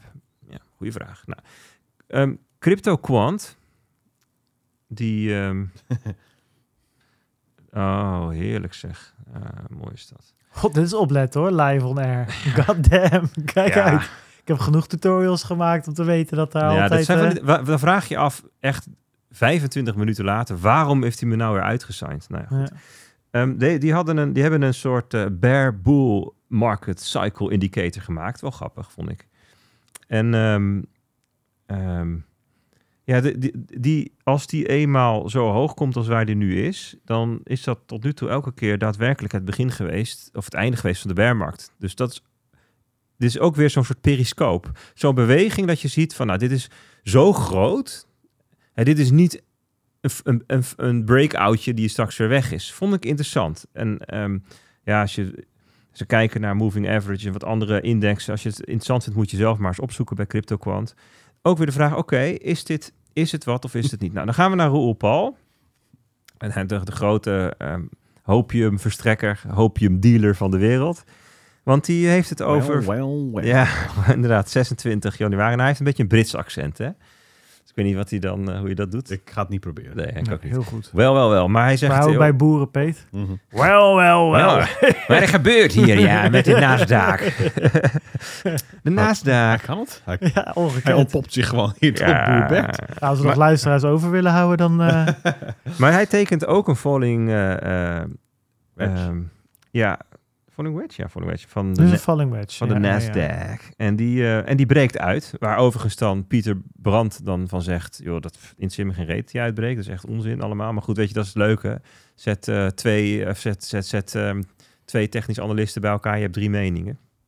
Maar ehm ehm, Raoul Paul die zegt... ja, dit is misschien zo'n breakout die heel belangrijk is. En dan gaat hij dat nog, heeft hij nog een of ander magische Demar-countertje erbij. En dan nog wat andere regressiekanalen. En dan wordt het interessant, want dan gaat hij die Nasdaq leggen op Nasdaq, leggen op de ISM. Dan heb je het dus over de eh, manufacturing index. Hè, dus de, de, weet je, de, de, de maakindustrie. Hè, hoe, hoe, hoe doen die het? Nou, die, zijn, die, die hebben een plekje in de conjunctuurcyclus. En nou ja, de Nasdaq en die ISM, die, als je die een beetje ten opzichte van elkaar verschuift en zo, en, eh, dan, en de een pak je dan de jaar op jaar verandering, dan ehm, zijn die mooi op elkaar te leggen. En dat is ook wel logisch. Hè? Bij een hoogconjunctuur, dan is de jaar op jaar verandering van de Nasdaq, de groei, ste- steviger dan in een laagconjunctuur. En het kan zijn dat het een kwestie is van hard groeien, langzaam groeien. Het kan een kwestie zijn van, van een beetje groeien en krimpen. En dat is het aardige van een jaar op jaar grafiek. Dat dat je niet zoveel uitmaakt, maar dat je wel kijkt naar dus de relatieve snelheid. Ga Ja. ik hard, ga ik langzaam. En ehm, dus hij zegt van ja, ehm, de, de Nasdaq heeft eigenlijk al een diepe recessie ingeprijsd. Dus misschien zijn we er wel. En dan zegt, gaat hij verder kijken van, nou, als je dan kijkt naar die ISM en de financial conditions, aha, hij komt uit op zoiets als financial conditions. Dat woord kennen we van Jerome Powell, die heeft altijd over financial conditions. In de context van zijn monetair beleidsdingetjes. Dus hij, hij wil die inflatie omlaag krijgen. Hoe doet hij dat? Door de financial conditions omlaag te brengen. Dus het monetair beleid, financial conditions. En dan eh, gaat dat de reële economie in en uiteindelijk raakt het de inflatie. Die wordt omlaag gebracht. Dus die financial conditions moeten krap worden. En wat zegt um, Raoul? Die zegt ja, die financial conditions die hebben eigenlijk al gebodemd. En die lopen negen maanden voor op die ISM. Dus die ISM, waar gaat die heen? Ja, ongeveer naar 40, 37, 38. Dat, dat voorspelt hij. En dan zegt hij, ja, maar die, die Nasdaq die heeft al een, een ISM van 37,7 ingeprijsd. Dus ja, die ISM zal best nog wel wat omlaag komen, maar hij gaat dan ook weer stijgen. Dat zegt namelijk mijn ehm, Financial Conditions Index. En, en dan gaat hij stijgen. En de- dus hij gaat niet dieper dan dat. En dat heeft de Nasdaq al ingeprijsd. Dus helemaal niet gek dat de Nasdaq misschien de bodem al gezien heeft. Dat zijn we in ieder geval redeneren hierover. Ja. En dan kom je op het punt van, oké, als de Nasdaq dat gaat doen... Ja, wat was er ook alweer zo vreselijk gecorreleerd met de Nasdaq? Bitcoin. Bitcoin. En ehm, dan in de school van Raoul Pijl, Raoul Pijl, zit ehm, dat, die school die, die zegt van, weet je, Bitcoin is eigenlijk een soort van ehm, liquidity meter. Is er veel liquiditeit, dan gaat Bitcoin als een raket omhoog. Is er weinig liquiditeit, dan crasht Bitcoin. En ehm, veel weinig moet je denken aan toenemend en afnemend. Dus weer de year on year. Dus is de liquiditeit aan het toenemen, dan zijn de financial conditions ruimer aan het worden. En dat heeft dan te maken, de achterliggende mechanisme is dat mensen dan meer risico willen nemen, mogen nemen. Want soms gaat het ook om wat mag je in je port portefeuille hebben. En je mag bijvoorbeeld als uh, het risico van een bepaalde asset groot is, en dan moet je denken aan de verwachte volatiliteit bijvoorbeeld, dan mag je er minder van hebben. Dat soort dingen spelen een rol. Um, en dan, nou, dus, dus, dus, dus. En wat is die liquiditeit? Ja, wat is die liquiditeit? Dat, dat, dat, dat, dat is een beetje een vaag begrip. Hè? En het, het, zijn, het, het, het, het manifesteert zich op allerlei manieren. Hè? Dus um, hoe makkelijk is het om te lenen voor een huishouden, voor een bedrijf? Dus hypotheekrentes, bedrijfsleningen. Um, ook hoe prettig is het voor banken om uit te lenen? hoe, hoe, spannend vinden banken het? Hoe makkelijk hebben, heel veel bankreserves hebben ze? Dus dan kijk je naar de balansen van centrale banken. Dan kijk je naar de geldhoeveelheid bijvoorbeeld. De, de, de, de ruime geldhoeveelheid. Er zijn allerlei manieren om daarnaar te kijken. Dus dat is niet een de definitie van liquiditeit. Nee, dus hij kijkt hier naar de, de, de uh, Our Global Macro Investor um, Financial Conditions Index. Er is ook een Financial Conditions Index van de um, Fed van Chicago. Nou, daar zitten, alleen daarin zitten al 105 componenten. En er zijn heel veel uh, um, manieren, lensjes om te kijken van om, om een pijlstok te steken in de, in de financial conditions, in de liquiditeit. En nou ja, ook een um, Lynn Elden bijvoorbeeld. Die, nou, maar telkens als ehm, iemand dat zegt, weet je eigenlijk niet precies waar ze het over hebben. Dat, Nee, dus als je Lynn Elden bijvoorbeeld erover hoort praten, dan heeft het over, ja, de, de, de financial conditions hebben misschien al gebodemd. En dan, dan kijk ik naar, de, naar dit en naar dat en naar zus en naar zo. En dan heb je eigenlijk een aantal van dat soort uh, aanwijzingen dat dat misschien het geval is geweest. We hadden er pas een leuke vraag voor in de Bitcoin Alpha community. Gerben stelde die vraag. Um, en even kijken, de simpelste met. Ja, wat, ik heb toen even wat van Raoul Pell opgezocht. Die zocht ik, ja. Um, de bron hier, dit is al van hem in juli vorig jaar.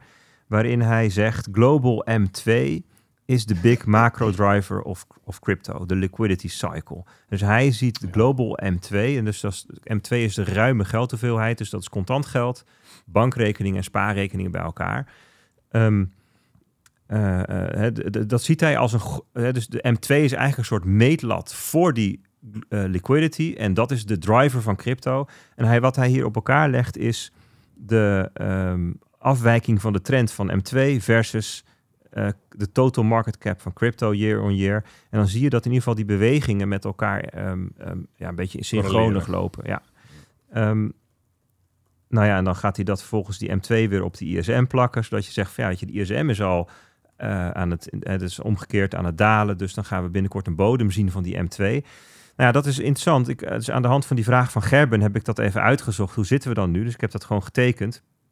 Um, Global M2. um, ehm, dus heb ik die van de Verenigde Staten, Europa, Japan en China genomen. kun je gewoon vinden in TradingView. Als je het leuk vindt, kun je het zelf ook opzoeken. USM2 is die van uh, Verenigde Staten. Um, EU M2 is van Europa, moet je wel even met de euro-dollar koers vermenigvuldigen, want hij is genoteerd in, in euro's. Je wil de dollar liquiditeit hebben. En dan zie je dat die um, year on year, hier zie je dat 20% groei year on year in februari 2021, is logisch, na de corona stimuleringen. En daarna ging die groei steeds langzamer, totdat we in augustus 2022 krimp zagen. Voor het eerst sinds 2015. Dus lang geen krimp gehad, dat was ook een heel klein beetje krimp toen. En hm. deze was al een stuk steviger. Dus we zagen een krimp van 5% in de wereldwijde geldhoeveel, ruime geldhoeveelheid. Hè. En die is gebodemd in oktober en in november was die krimp weer kleiner, 2%. En we zitten nu op het punt dat die bijna weer groter gaat worden. En dat is interessant, van als je gaat kijken waar dat door komt, dan is de belangrijkste mechanisme waarom die, um, die, die, die M2 weer groter aan het worden is, dat is de zwakker wordende dollar. Want door de zwakker wordende dollar wordt de waarde van die euro's en die, die yens en zo en die yuans groter. En dus dus de, de geldhoeveelheid uitgedrukt in dollars wordt groter, vooral omdat die andere munten meer waard worden in dollars, omdat de dollar zwakker wordt. Dat is het mechanisme. De, de dollar is namelijk zwakker gaan worden vanaf oktober. Dus als de dollar weer sterker wordt, zou het kunnen dat deze trend weer omgekeerd wordt. Want Jerome Powell is namelijk niet van plan om vanuit Amerika zelf die geldhoeveelheid te laten groeien. Die wil hem juist krap houden. Dus het moet van andere plekken komen, voorlopig. Want wanneer gaat Jerome Powell easen? Wanneer gaat hij weer ehm, QE doen bijvoorbeeld? Of ehm, eh, de rente verlagen? Rente verlagen, dat zorgt voor groeien van de geldhoeveelheid. Want wat is, eh, hoe groeit de geldhoeveelheid als er leningen worden verstrekt? Hoe krimpt de geldhoeveelheid als leningen worden afgelost? Want dat is geld scheppen, is leningen uitbrengen. Dat is hoe het werkt. Het fiat geldsysteem werkt. Dus dit is, dit is leuk, dit grafiekje. um, Raoul Peil. Hè? En ik zie hier de jongens van uh, Bitcoin Magazine Pro doen precies hetzelfde. Hebben ook zo'n soort grafiekje gemaakt. En dan, ja, hartstikke leuk. Maar de vraag is, waar komt dit door? Is dit, is dit daadwerkelijk het begin van een nieuwe trend? Of is dit een uitzondering omdat die dollar nu zwakker is geworden? En gaat die straks weer sterker worden? En dit zijn die slagen om de arm die je hierbij moet houden. Want het zijn allemaal op zich mooie verhalen. En het is best een scenario wat te onderbouwen is. Maar hetzelfde geldt voor die 200-daagse moving average als voor dit verhaal van die M2. Daarvoor geldt. Ja, het is best wel vroeg om, daar, om nu te zeggen van oké, bottom is in. Hm. Weet je wel?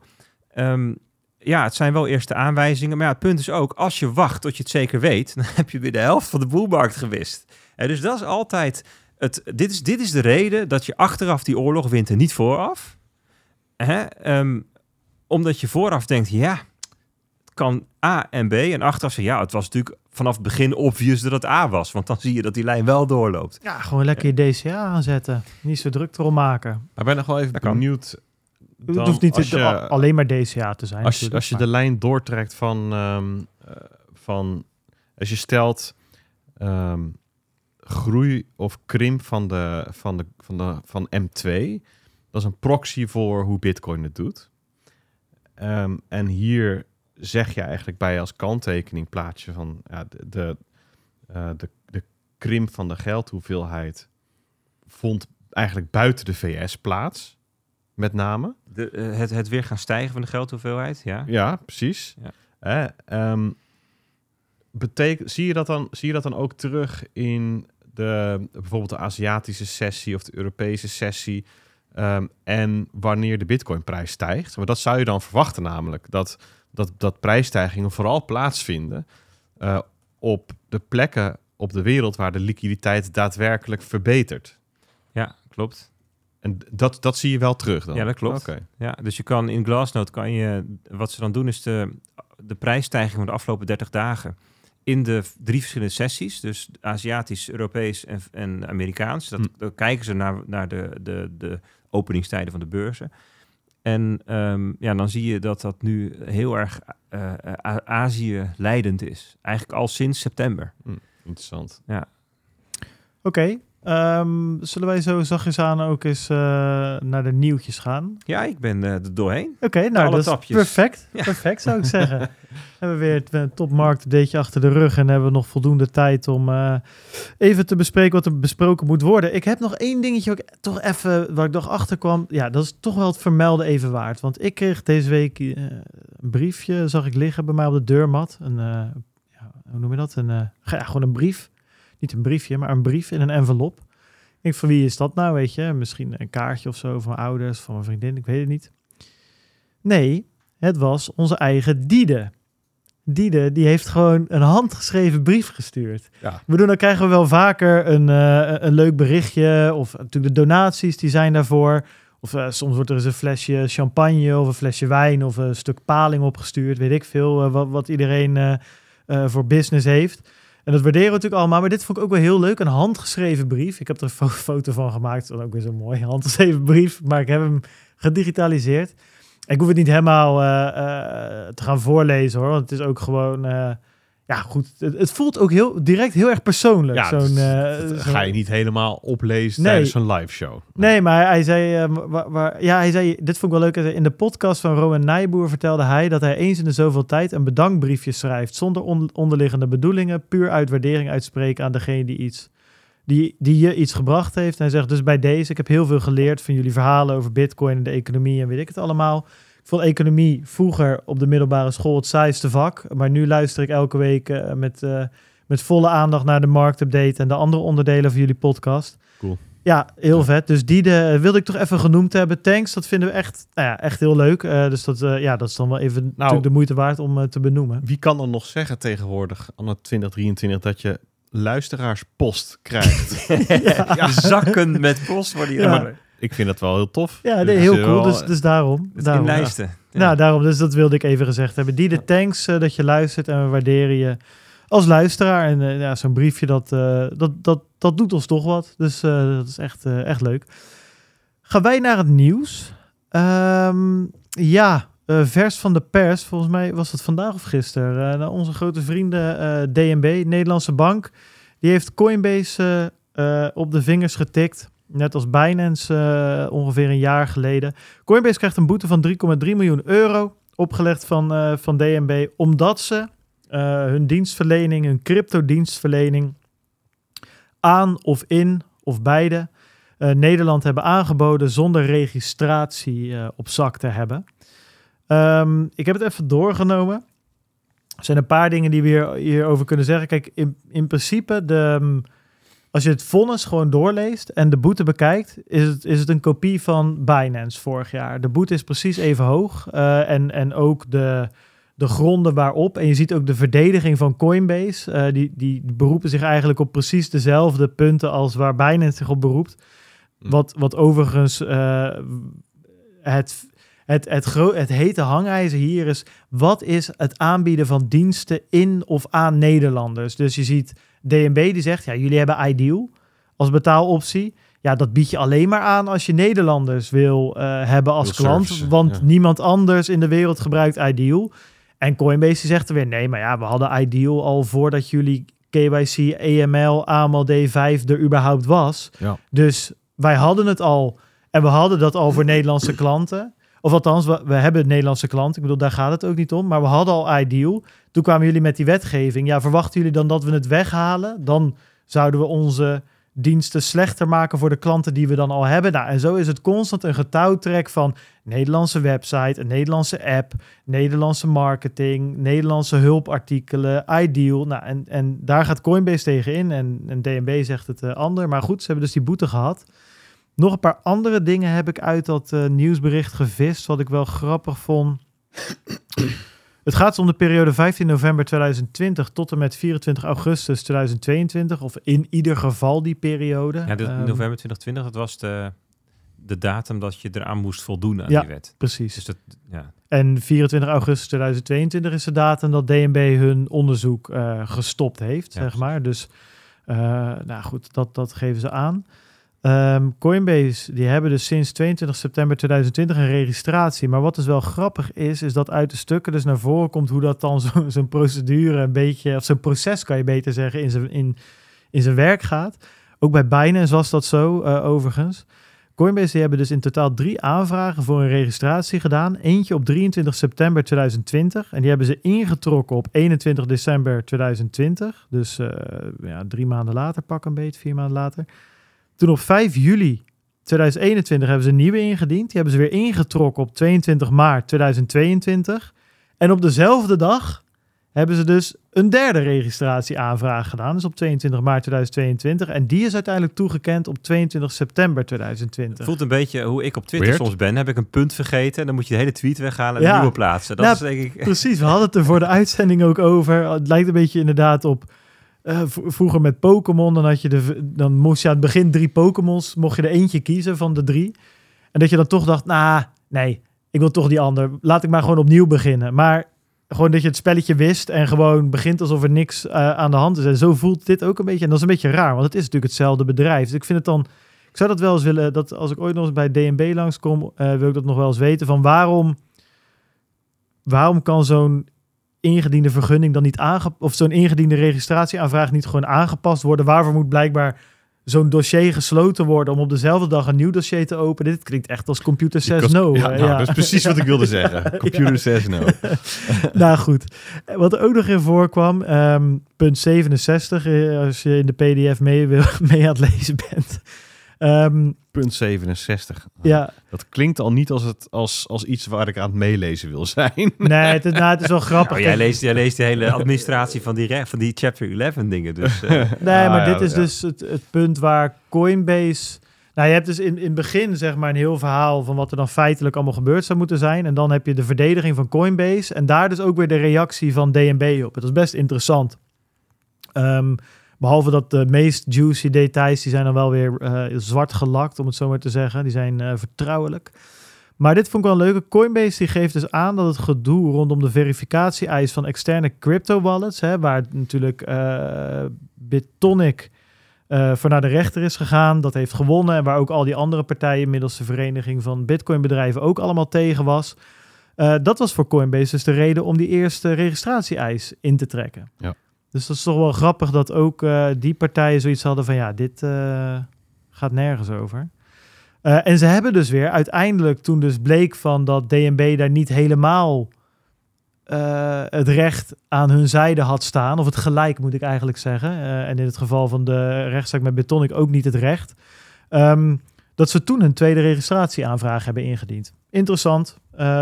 Voor de rest, ja, vond ik dat er niet heel veel uit te halen was, wat we al niet besproken hadden in de podcast waarin we het over Binance gehad hebben toen der tijd. Mhm. Eh, behalve het verschil is dat Coinbase dus wel de registratie heeft eh, en Binance nog steeds niet, volgens mij. Als ik het even... eh, Volgens mij ook niet. nee, die heb ik nog niet Nee, langs of- zien Of we komen. dat gemist hebben. Nee, dat, dat denk ik niet dat we dat... lijkt me stug dat we dat missen. Nee, die hebben hem nog niet. Dus dat, dat is ook nog het grootste verschil. Coinbase is nu dus wel van dit verhaal af. Eh, en Binance eh, zit er nog middenin, eh, schijnbaar. Althans, daar hebben we nog niks van gehoord verder. Interessant. Ehm, Simon had zich hier ook mee bezig gehouden. Hebben we hier nog een stukje ja, zeker. Simon? Ja? Ja, ja. het is natuurlijk een schijntje eigenlijk, hè, wat ze nu moeten aftikken. Die, die boetebedragen ten, ten Ja. opzichte van twee jaar lang Nederlanders servicen. Nou, daar heeft Simon wat over te zeggen. Ik heb nog wel wat Nou, dat, weet, interessants. dat weet ik niet. Of die de, in, in dit Eh, fragmentje volgens mij niet. Maar. Dan moet je even het hele fragment bij, bij BNR terugluisteren. Ja. Want nog wel, ja, dat was jammer. In dit verhaal van eh, DNB, in dit boetebesluit, ehm, daar staan allemaal hele interessante cijfers in, maar die zijn dus weer vertrouwelijk. Dus er staat bijvoorbeeld in hoeveel klanten eh, Coinbase zegt te hebben in Nederland, met hoeveel procent dat gestegen is, wat de omzet is. Ja, dat zijn natuurlijk eigenlijk dingen die we willen weten, omdat je dan in kan schatten inderdaad van ja, eh, st- stel, st- ik zeg maar, stel dat ze een miljoen klanten hebben en dat ze in Nederland een omzet genereren van ehm 500 miljoen. Ik roep, ik roep even wat dingen uit de hoge hoed. Ja, dan is 3,3 miljoen natuurlijk helemaal geen moer. Dat is sowieso niet voor Coinbase natuurlijk, maar het is heel moeilijk om het in perspectief te Ja, zetten. die boetebedragen Ja. die liggen gewoon vast bij wet. Volgens mij is het, Ja, is max maximum. vier. 4 miljoen. Ja, ja. precies. Maar het is ook niet geen moer natuurlijk. Hè? Want als, je, als ze dit doen in een, eh, 28 Europese lidstaten... en weet ik voor hoeveel plekken in de wereld... en ze moeten op elke plek 3 miljoen betalen... en Nederland is natuurlijk nog maar een klein land... Ik bedoel, uiteindelijk loopt dat ook in de honderden miljoenen. Nee, sure, sure. Dat, dat is, nee, maar daarom zou ik heel graag willen weten wat... Ja. Want ja, waar hebben we het nou over in Nederland? Hè? Maar goed, Nou, dat ik- weten we niet helaas. Dus dat, eh, Ik ga er even van uit dat ze in diezelfde periode meer verdiend hebben aan het. dat- is een gecalculeerd risico natuurlijk voor zo'n bedrijf. Ja. Laten we wel wezen. Dit is een beetje Silicon Valley playbook. Je gaat Ja, eerst net zo lang tuurlijk. door en dan zeg je sorry. Zeker nu ze de registratie binnen hebben. Weet je, de kous is ook af, verhaal is klaar. En nu hebben ze, ze hebben wel... Coinbase heeft in tegenstelling tot FTX natuurlijk een prima eh, marktpositie in Nederland, Ja, en mij. bij hun is het ook gewoon duidelijk wie de, ehm eh, weet dat, eh, De basis. de UBO's zijn. Ja, precies. Ja. ja. Maar Nou, dat hebben ze dus ook nog in dat. Dat staat ook in dat verhaal. Laatste leuke feitje uit het verhaal. Maar dat ze nog allemaal bestuurders hebben gewisseld. Maar dat is niet duidelijk. Dat is ook weer redacted wie dat dan zijn. Want dat is niet Brian Armstrong geweest. Dus blijkbaar gaat dit dan ook weer over een soort van Nederlandse. Hadden ze niet een Subsidiary Ierse, of zo? hadden ze niet een Ierse Ja, entiteit? Iers. Ja. Dat was het. Nou goed, Peter. anyway, we openden natuurlijk de, de, de show met, eh, met Simon, met, met De Lely. En toen zei ik van, we komen nog een keertje tegen. Hij Dat- zit in de chat zelfs. is, hij zit in de chat Hij ook is er gewoon. Dus hij begint Kijk. nu al gewoon voor te sorteren op alles wat we gemist hebben in dit verhaal. Maakt niet uit, we laten hem gewoon zelf aan het woord. Want hij zat vandaag bij BNR in de studio om dit toe te lichten. Zeg maar, dit nieuwsitem. En hij begon met het, eh, eh, het legen van een, eh, een, een heel kussen aan veren. in, de ach- in het achterwerk van DNB. Want hij vond het heel mooi dat er nu eindelijk een boete is uitgedeeld. En dat is voor het rechtsgevoel van de sector. Dus hij ging nog even staan uit voerde het woord voor de hele sector. Van nou, mooi, dankjewel, eindelijk, dit is wat we wilden. Maar er zijn natuurlijk ook nog allerlei kanttekeningen. Ik heb even, ah, het is iets meer dan een minuut, gewoon nog eventjes Even een stukje Even Simon. de zoetgevoiste stem Precies. van de lady. Is, is 3,3 miljoen dan wel een stevig genoeg boete? Nee, ik vraag me nou, af, er is één, klein op, ja. puntje waarvan, ik, eh, waarvan ik dan zou zeggen, het mag nog meer zijn. Een opvallend detail in die eh, beschikking is dat ze zeggen... Want, want de hoogte van de boete kan tussen de 2 of 4 miljoen zijn. Hij zit in de hoogste boetecategorie. Ehm, en een, een klein opvallend detail is, ja, we gaan hem niet verhogen... want we kunnen de schade voor de sector niet kwantificeren. Ja, maar die kan ik wel kwantificeren. Dat is namelijk meebetalen aan het toezicht... plus weglek van omzet. Ja. En daar kun je een rekensom voor maken. Dus in die zin eh, is het wat te weinig. En vooral ehm, die toezichtkosten, dat is wel een probleem. Want de sector die wist al vanaf januari 2021... Binance en Coinbase zijn twee grote spelers... die misdragen zich met Ideal. Dat is 3 Precies, want miljoen. Binance heeft al eerder een boete. eh, 3 miljoen, ongeveer 3 miljoen bij elkaar 6 miljoen. Dus wat, heb, wat heeft de sector aan DNB gezegd? Die 6 miljoen die jullie straks gaan incasseren... want die stond gewoon ja, in de pijplijn... Dat kun je niet, niet, niet handhaven. Dus dat wist je dat die zou komen. Routeer die nou naar de kosten van het toezicht DNB. Want wij hadden allemaal ruzie over kosten van toezicht DNB is te duur. Ja, weet je, dat is 2 miljoen per jaar. Nou, dan kan je Ja. gewoon drie jaar toezicht. Kan je... Dus dat voorstel Exact. is gedaan aan financiën. Die hebben dat genegeerd. Die hebben een eigen plannetje gemaakt. Waar is dat geld naartoe gegaan dan? Dat gaat de staatskas in. Oh. Dus je kan dat eigenlijk. Stel, stel dat dat geld naar DNB zou gaan, naar toezicht, zouden uiteindelijk dan ook andere aanbieders ook een boete kunnen verwachten. Uiteindelijk gaat het merendeel van deze opbrengst gaat naar de bank en de verzekeraars. En per bitcoinbedrijf blijft er 5000 euro over. Ja, dat is, dat is dus niks. Nee, het is de, Nou ja, goed, Dat- eh, weet je, mag dus- altijd, als het niks is. Simon, Dan- stort dan dan, weet- maar op mijn Weet rekening. zeggen, je dan weet ik nog wel een leuk sponsor, eh, Nee, maar- sponsorplekje. Maar het gaat dus, het, het gaat dus in, in de- in de staatskas, maar ook op een of andere manier terug naar banken en ook de sector. Dus, maar dat is dan waarschijnlijk gewoon het hele DNB-budget of zo. Ja, nou maar goed. ik ben het hier wel mee eens. Het zou voor, voor de sector zou het een ongelooflijk ehm, belangrijk signaal zijn. En misschien toch ook een soort reset eh, in de verhouding met DNB. Want ik denk de sector is best wel een beetje boos geweest. Zeker, ja joh, dat was echt, dat was echt gewoon een beetje traumatiserend. Dat je zo, zo ehm, voorgelogen werd eigenlijk. Hè? Dus de minister eerst nog, ik geloof Ja. was het Hoekstra toen? Hoekstra, ja, zeker. beweren, nee hoor, nee, het is echt, het is een registratie doe je en een vergunning wordt je verleend. En dan in toezichtskosten, ja, er staat nu 30.000 en het wordt nog minder, weet je, en al die dingen. En dan uiteindelijk krijg je dit. Sommige bedrijven betalen volgens mij een paar ton, Ja, drie ton of zo. Ja. En nou, nee, zeker. nou, dat, eh, dat zouden ze echt in één keer dus recht kunnen trekken. En ja, en, en Ja, Simon die dus zegt dus niet, van, hè? Nee, dat is het. dat is het vervelende. Want volgens mij zijn ja, Minfin had het dus kunnen besluiten. Ja, precies. Ja. Dus, of er is misschien zelfs een wetswijziging van, dat weet ik niet zeker. Ik weet hoe, hoe, hoe in hoeverre vastgelegd is waar dat geld naartoe moet. Nou, Maar in ieder geval kan TNB niet zomaar zelf zeggen van, nou, thanks voor de boete. We, we- wij beslissen even wat we ermee gaan doen. Hoewel, ik ben het er helemaal mee eens. Het, het zijn ook een soort van gedorven inkomsten door de, door de partijen die zich wel geregistreerd hebben. Weet je, En je wilt het eigenlijk terug laten vloeien naar hen toe. ja, Bijvoorbeeld in de vorm van Ja. een lagere, een lagere toezichtskosten. Ja, wat je ook wel weer doet, is dat je een beetje de... Nou, goed, Het- het- eh, Simon je, schu- praat je over- schuift het probleem ook voor je uit. Want wat je dan wel kan doen, dan heb je opeens... Een, eh, dan moet die boete van Binance er ook bij. Dan heb je 6,6 miljoen staan. Ja, dan kan je opeens een soort van, nou weet je wat, eh toezichtkosten van 1 miljoen per jaar. Nou, iedereen zegt, nou oké, is goed, want het komt toch uit de boetepot. Ben je zes jaar verder, heb je opeens een soort van, ehm weet je dat Lily-effect, of, hoe- of hoe noem je dat, van, dat, dat, dat er zo'n bloempje ergens groeit en dat iedereen zegt, ja, die moet er blijven staan totdat niemand meer weet waarom die daar staat, maar Ja. hij moet er wel blijven staan. ja, dat hekje. Dan heb je een ja. soort van enorm budget opge, eh, wat normaal is. Maar goed, dat, dat, dat is wel Nee, oké, dus dat zou, dat zou een pervers eh, eh, ding moeten zijn waar je op moet letten. Simon zegt overigens in de chat, ja, hij praat gewoon mee via de tekst. Via de, via de Deze week chatten we even ja, met. even chatten met. Maar hij zegt, nee, dat had dus heel snel veranderd kunnen worden. Nou, dat had dus eh, gekund. Ja, het is, Maar Simon had dus over van, ja, weet je, Binance en Coinbase, die zaten al in de pijplijn. Dan denk ik, hoe zit het dan met, met KuCoin en Huobi en OKEx? En gaan die straks en Kraken? Gaan die straks allemaal ook nog in, eh, iets in de boetepot doen? Of hebben die zich allemaal wel helemaal netjes overal aangehouden? Maar goed, Nou, ze staan niet geregistreerd. Althans, Nee, maar hebben eh, ze niet dan- allemaal. want het gaat dan om de vraag van... hebben ze dan in het Nederlands een site en Ideal en dat soort dingen waarschijnlijk? Ja. Maar, jullie nog weten hoe het zit? Nou, Er is dus kennelijk een wet die iets zegt over die geldstromen. En die wordt dan verder uitgewerkt in een algemene maatregel van bestuur, een AMVB. En dat is dus iets wat buiten de wet omgeregeld is. En zo'n zo'n regel kan relatief snel worden gewijzigd. Makkelijker dan een, dan een wet gewijzigd kan worden. Nou. Moet dan wel via de, de, de Rijksoverheid de rijdende rechter. ook. En die zegt dan, dit is mijn visser. uitspraak Ja. en daar moet u het mee doen. ja. goed, Maar- We gaan door. Ga door. Eh, dus in de praktijk blijkt het toch nog niet zo makkelijk. Maar ik weet wel, iemand, er luisteren vast mensen van het ministerie van Financiën. Go fix this. Ja, jongens. Kappen nou Ja. met die onzin. En Zo, daar, dat is daarmee, onze uitspraak. Daarmee basta. Ja. Ehm, ja, Genesis Chapter 11 filing. Ja, de, eh, er kwamen weer van allemaal eh, dingen naar buiten. Die eh, sowieso deze week. Want ik zat een beetje rond te kijken. Ik zag weer dingetjes. Zo, ehm, er zijn allemaal natuurlijk.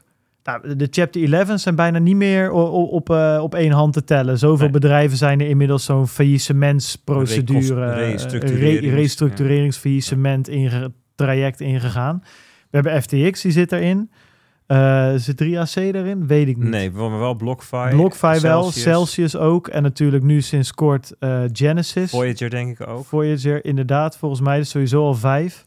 Nou goed, dus dat is... ehm, maar onderdeel van zo'n traject is dus dat dat via de rechter moet. Dus er moeten allemaal stukken ingediend worden. En die stukken zijn vaak openbaar, in ieder geval gedeeltelijk. En dat is dan voor ons weer interessant, omdat we eens even een kijkje in de keuken kunnen krijgen. eh, en kunnen kijken waarom die keuken in de fik is gevlogen. Ehm, nou zag ik, dat is ook wel even een paar die ik niet zo heel... ehm, eh, bijvoorbeeld bij BlockFi kwam er deze week naar buiten dat er... eh, dat de exposure naar Alameda en FTX inmiddels veel groter is dan wat werd gerapporteerd. Grote kop, ik het helemaal uitzoeken. Blijkt het vooral te komen omdat al die crypto assets waaruit die eh, exposure bestaat, nog steeds, ehm, ja, die zijn gewoon meer waard geworden. Ja, Hm. tuurlijk wordt het dan in dollartermen groter. Nou, dat is één zo'n ding wat uit zo'n chapter 11 naar voren eh, kwam. FTX deze week.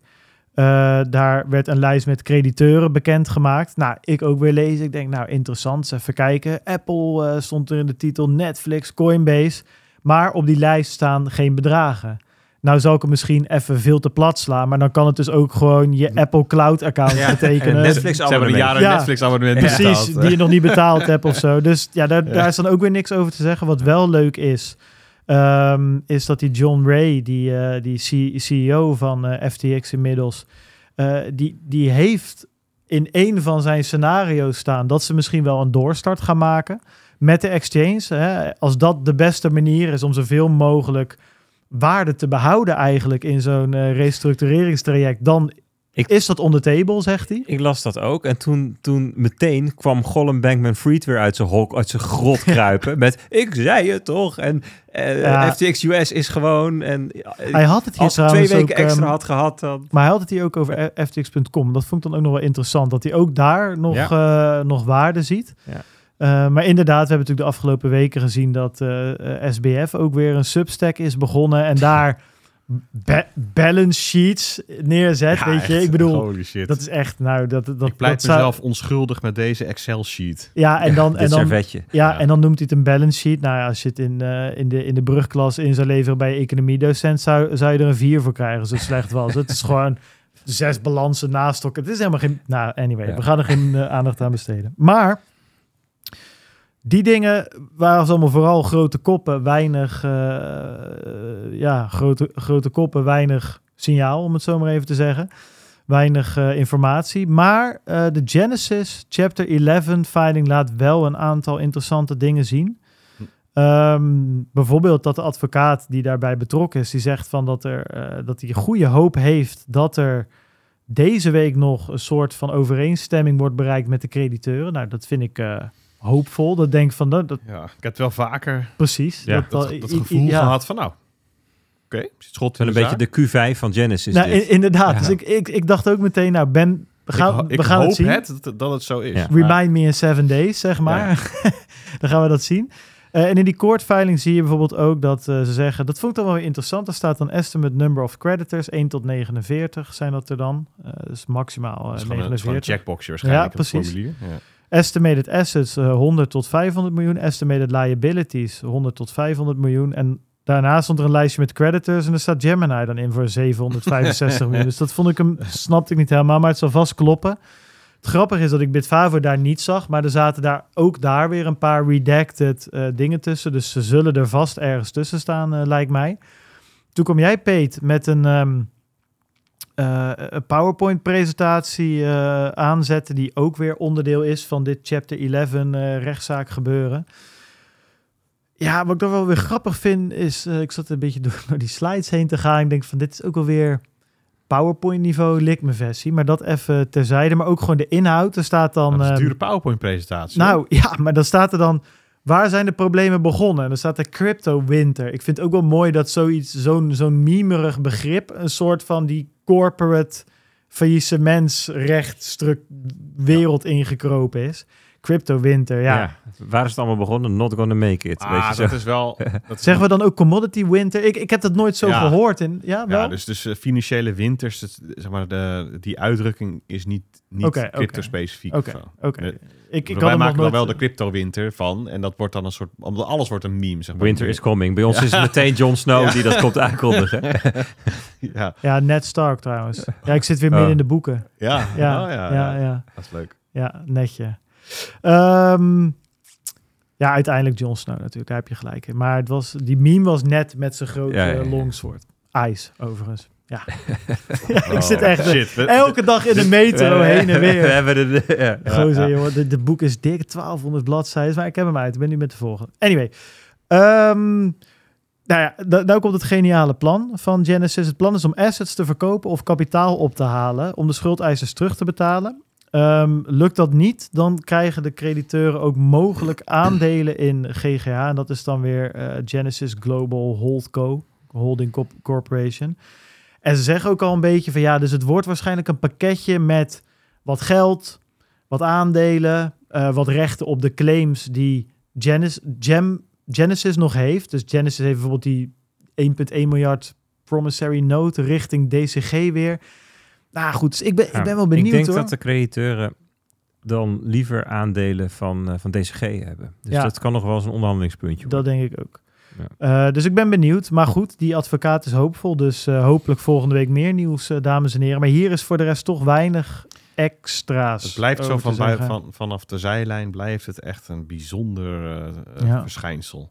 Kan wel Ja, zeggen. dus, ja. dus dat, dat, dat zo'n advocaat, of dat, dat nu gezegd van ja, ik ben hoopvol dat het goed gaat komen. En dat, dat je nog net, nou ja, weet ik veel, een week geleden z- sta, staat, staan die Cameron eh, Winkelvos en zijn broer nog Nou, te op Twitter. Ja, maar dan staan ze nog Eh, steeds van die eh, dreigen nu met een rechtszaak. Ja, en die staan, die staan Barry Silbert uit te schelden en te doen. Het is, het, het is echt wel heel vreemd allemaal.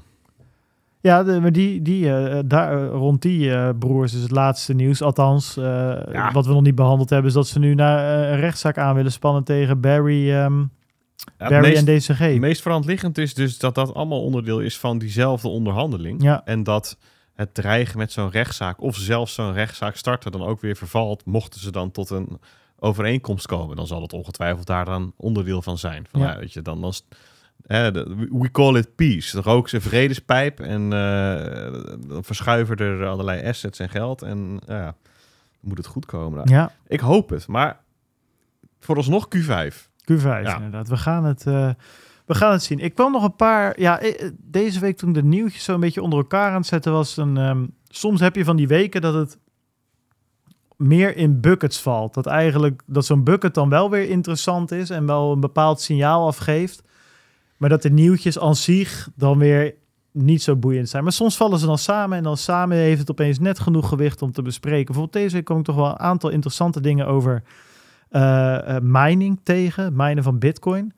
Ehm, ten eerste, maar dat vond ik dan weer raar. Voor mij was er iets naar buiten gekomen rondom uh, Michael Saylor en uh, dus een uh, mining werkgroepje, hoe heet dat nou ook alweer? Die Bitcoin Mining Council. Council, ja. Ja, die zouden dus weer een rapport naar buiten hebben gebracht, Ja. maar dat rapport kon ik niet vinden. Ik kon wel de YouTube-video vinden en ik kon ook een soort van persbericht op de website vinden, Die- maar nog niet het brengen elk rapport. kwartaal rapporteren ze over het Ja. energieverbruik en, de, en de bron waar het vandaan komt en hoe groen de industrie wel niet is. Dus dat wilde ik even checken. Maar op Twitter zijn er wel weer wat mensen die daar wat over gezegd hebben. En het schijnt dat het nu nog groener is.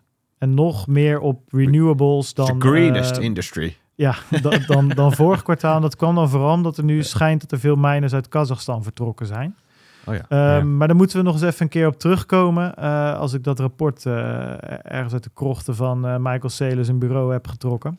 Ehm, maar goed, dat was een dingetje wat ik langs zag komen. Toen dacht ik, nou, is, leuk. Even kijken wat er nog meer is. Ik heb, Blockstream. ik heb wel een Oh. beetje medelijden met Alex de Vries, onze digi-economist. Want alle stokken die hij altijd gebruikte om modder te slingeren, eh, Kazachstan is allemaal heel slecht.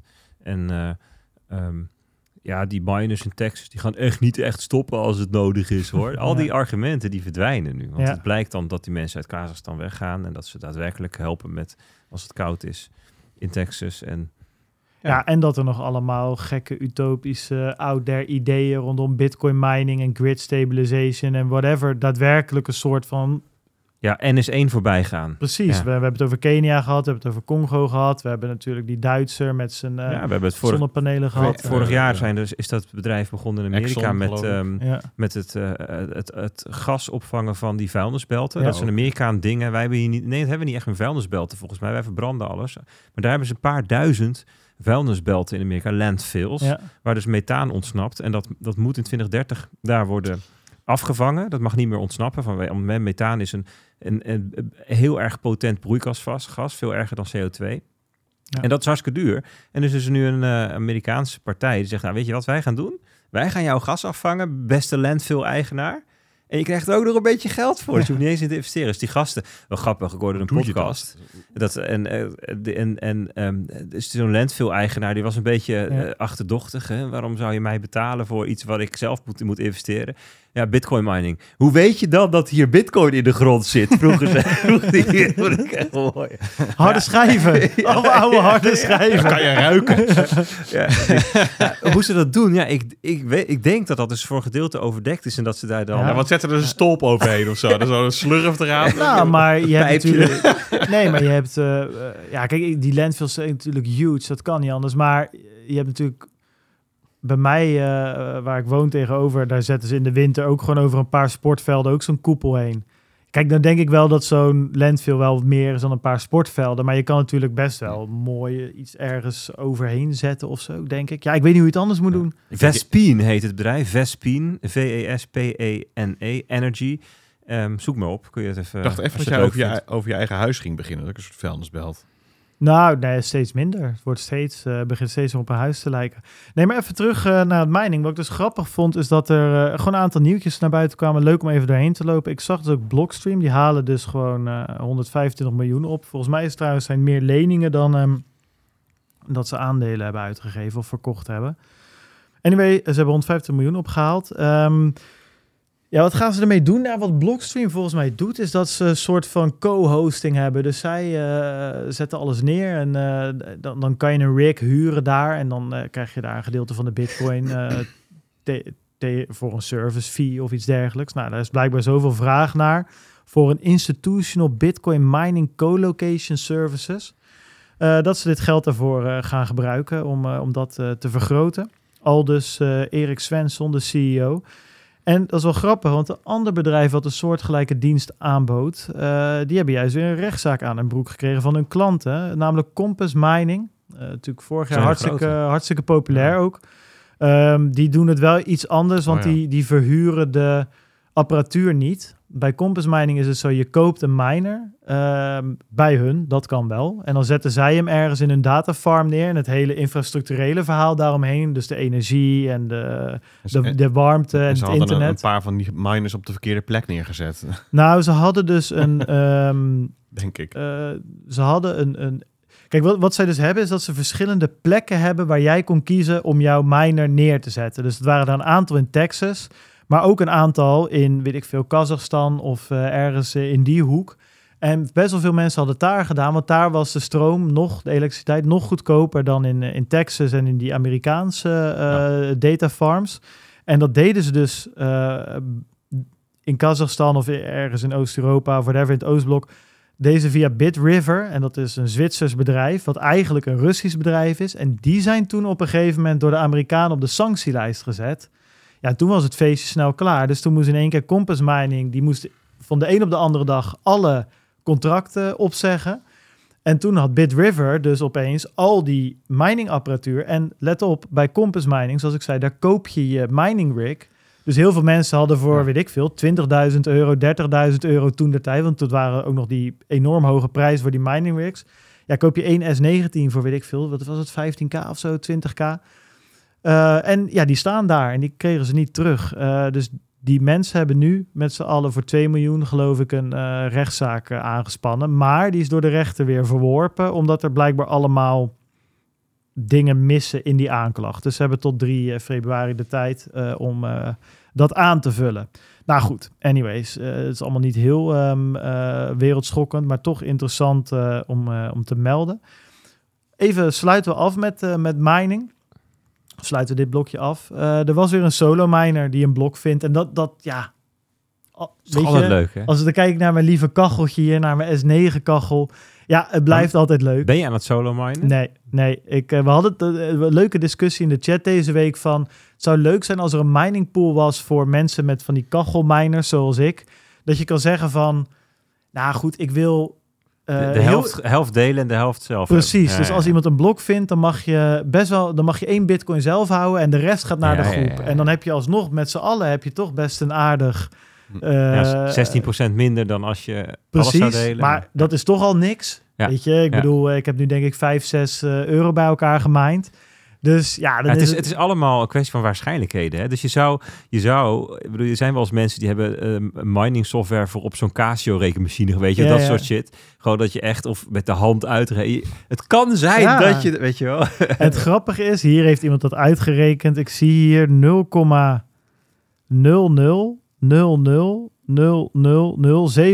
37 procent. Dus 0,00000037 eh, eh, procent is de kans dat je dus eh, ja, zo'n blok maait. Ja, extreem klein, maar dit is net zo groot of klein als je dat, dat je de, de loterij wint. Ja, het is wel lachen. Weet je, het zou wat zijn dat je zo'n stom kacheltje bouwt. Dat je hem gewoon een paar... Ik, heb hem, ik gebruik hem wel tegenwoordig. Ik heb hem nu op 500 watt. Eh, de fans op 35 Dan blijft hij netjes gewoon standaard op 81 graden. En is die eigenlijk nauwelijks hoorbaar. En wordt het hier gewoon... Is het prima. Als, en het is nu ook buiten best wel koud. 0 graden, 1 graad natuurlijk. Dus Maar even kijken, dat percentage, hè, dat is weinig. Maar als je dat keer 1440 doet, zoveel blokken zijn er per dag, keer 365, hoeveel dagen zijn er in het jaar, dan kom je op 0,02% kans uit. ja, Toch? ja dat, je dat op- klopt. Maar dan staat hij wel 24-7 te minen. ja, als je 24-7 mindt, heb je dus 0,02% kans Ja. Dat is een stuk dat beter jij dan in, in, in, in, het, in een jaar dat een, een blok vindt. Dus dat betekent als je 50 keer 100 is 5000 van dit soort mensen hebt, dat je dan redelijk kans hebt dat één daarvan Ja, dit overkomt. Nee, maar het hè. Dus- gebeurt ook zo nu en dan Precies, wel hoor. Dus het is ook niet eh, super bijzonder. Maar ja, dan moet je hem wel het hele, hele jaar aan hebben staan. En ook nog eens op, eh, hij had hem op 10, eh, wat was het, 10 eh, Terahash, terahash. ja. Dus dat betekent ook wel dat, je hem, dat hij redelijk staat te knallen, zeg maar. Dat zo'n S9 staat dan op 70 eh, procent, 80 procent. Dus als 1400 watt staat hij, laten we zeggen dat hij op 1000 watt staat. En dan zou je ook even uit moeten rekenen wat dat geintje dan kost, eh, je loterijticket. Want als je wint, dan heb je het over 6,25. Ja, 150.000. eh, ja, dat is ook niet echt, dollar. dat is ook niet de, de miljoenenknaller of zo, weet je. Dit, dit komt Gaston gewoon op een woensdagavond bij eh, half acht langsbrengen. Als- Dit ja, is- als je een goede postcode Ja, hebt. precies. anyway, het is wel gewoon leuk. Je zou het meemaken, joh. Dan ben je in één keer klaar met stekken. Heerlijk. Ehm, dan hebben we nog een laatste puntje waar we het even over kunnen hebben. Ja, dat is weer zo'n bucket waar ik een paar dingen langs zag komen. Ik zag eh, gewoon een aantal Ethereum eh, nieuwsberichten langskomen. Positief, negatief en objectief, soort van. Een beetje, een beetje alles eh, bij elkaar. Het objectieve eerst, dat is natuurlijk wel grappig. Dat is een discussie die al, ja, maandenlang speelt op Twitter tussen een beetje de, de Bitcoin maxies en de Ethereum maxies. En Bitcoin werd natuurlijk ehm,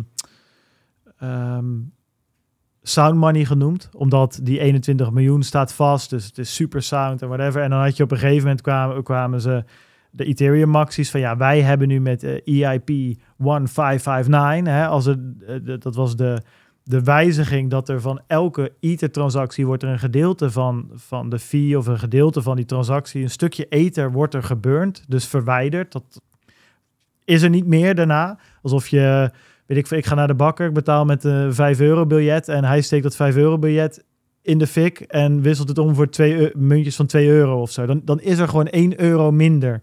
Nou, dat idee heb je nu dus een beetje bij, ehm, eh, bij Ethereum. Ja, maar dat is argument, dan heb je dus deflatie. En bitcoin Ja. heeft lage inflatie, dus dan zijn wij beter. Ja, nou, en wat ze dus zeggen is inderdaad dat als je maar genoeg transacties hebt en je burnt zoveel, je burnt meer dan dat erbij komt met het, ja, het is niet echt minen meer, maar het steken van blokken Ja, zou je was, kunnen eh, zeggen. en dat was toen met die 1559 nog eh, uitgesloten, omdat de issuance bij minen heel hoog was. En Ja. zei ze van nou, maar na, als dan, je hebt dus 1559 en de merge, Ja, eh, dan zou het kunnen gebeuren daarna dat dat, dat wat er gebeurd wordt meer is dan de issuance. ja, en dat zie je nu dus ook dat dat eh, gebeurd is. Bijvoorbeeld sinds de merge zie ik hier op ultrasound.money is er ongeveer 4000 minder Ethereum in omloop eh, Ja, dus er- dan dus- toen. Dus er is ehm, heel veel bijgekomen. En zeg maar, er, er, zou, er zou heel veel bijkomen als beloning voor de stekers.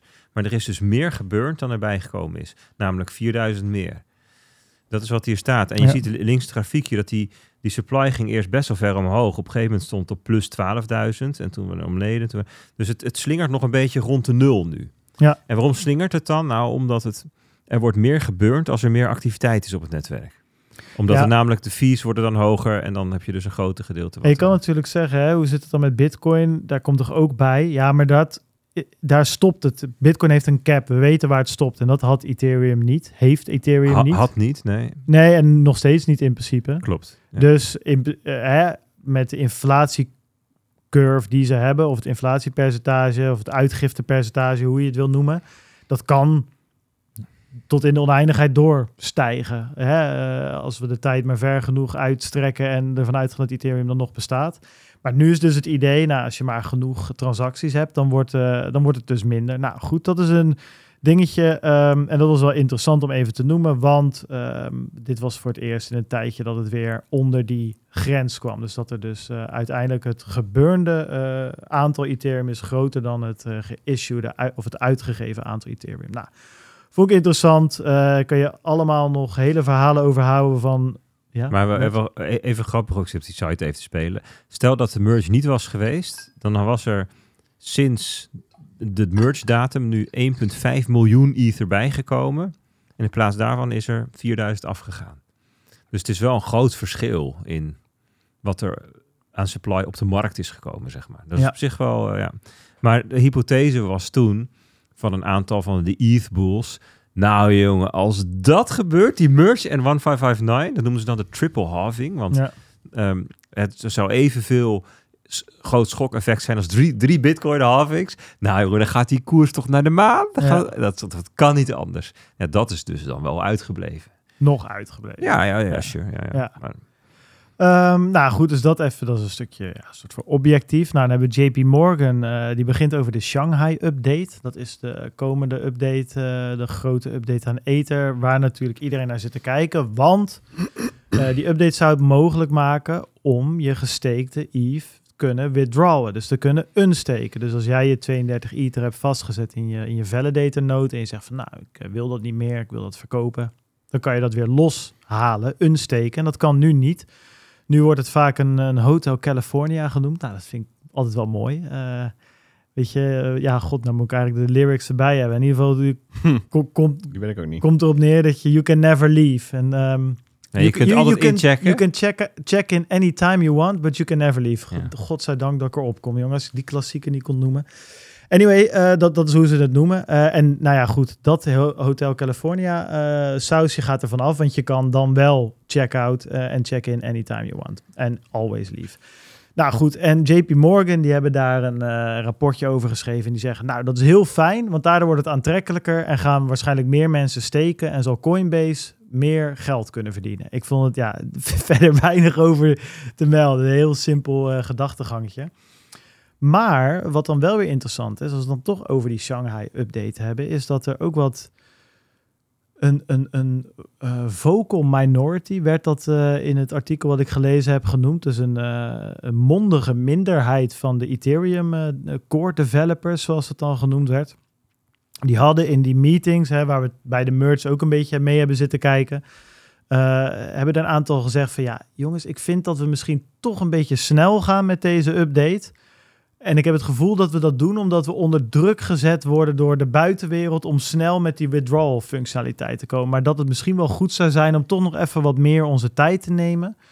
Um, dat zegt uh, developer Mika Zoltu bijvoorbeeld. Althans, dat las ik in het artikel. Dat, um, dus daar ga ik even van uit. Uh, maar goed, het blijft wel een vocal minority. Dus de meeste developers schijn, zijn schijnbaar uh, voor. En ook uh, hebben het vertrouwen erin dat dit goed gaat komen. Dus ja, we gaan het zien in maart. als het goed is, gaat het dan live. Ik ben heel benieuwd. De Q1. Zo. Q1. Dat is ook eens... Ja. Dat is weer eens wat anders. Ja. Dus nou, dat is even, even een Ethereum-update. Ik denk dat het wel even interessant is om... ik vind ah, het toch wel weer leuk om dat even in de gaten te houden, hoe dat gaat. Ik ben ook benieuwd... Um, je, je mag in het protocol staat dat je maximaal 42.600 ether mag opnemen, of in totaal mag worden gewithdrawald per dag. Zodat je een soort van die... Ja, zoveel per slot mogen ja, eruit. Ja. Dus je, dat doen ze om een soort van bankrun-achtig scenario te voorkomen dat je opeens heel veel validators mist. Je wil niet al te veel schommelingen in je validators. Um, het is een beetje hetzelfde. Kijk, bij miners is het zo... Ja, dan zeggen bitcoiners altijd, daar heb je de difficulty adjustment. En dat is natuurlijk ook wel waar. Maar ik vind, dat vind ik nog wel een leuk punt. Misschien waar we het even een paar minuutjes over kunnen hebben. Zeg maar, die difficulty adjustment, er wordt een soort van het technische een beetje verward met het um, met, met, met, met de veiligheid van het netwerk in zijn geheel of zo. Kijk, ik snap wel dat als we hebben het in China gezien, als de helft van de miners ermee kappen, dan uh, na, met enige lag past die difficulty zich aan. Uh, dan kunnen de andere miners gewoon door. En dan op een gegeven moment heb je weer blokken die 10 minuten na elkaar gemiddeld komen, langskomen. En dan wordt er gezegd, ja, nee, zie je, TikTok next block, difficulty adjustment, magic, magic. Nou, dat is ook wel zo, technisch gezien. Maar ik vind dat toch een beetje, daar heb je toch nog een vraag van de veiligheid van het netwerk. Ik bedoel, er is net wel 50% van je hash rate vertrokken. Ik bedoel, mm -hmm. dat het nu technisch doorloopt is prima, maar ik vind dat die vraag van hoeveel hash rate is genoeg om dit netwerk veilig te houden, dat is een vraag waar eigenlijk ik het antwoord niet op kan vinden. Waar volgens mij geen antwoord op is. En waar we maar een beetje hopen dat het genoeg is. Um, en dat het ook, dat is nou echt een soort, nou, ik weet niet of het een black swan is, maar dat weet je pas als het een keer misbruikt wordt. Dan weten we, oh, dit was te weinig. Maar ja, dan zijn we ook de lul, want dan is er iets van een, misschien een, een, een bepaalde aanval op het netwerk geweest. het is geen hard cijfer, nee. Je, je kunt niet zeggen van... Uh, uh, je, kunt, je kunt niet zeggen, dit is nu genoeg. En je kunt ook niet zeggen, al zou je dat weten, voor hoe lang dat dan genoeg ja. is.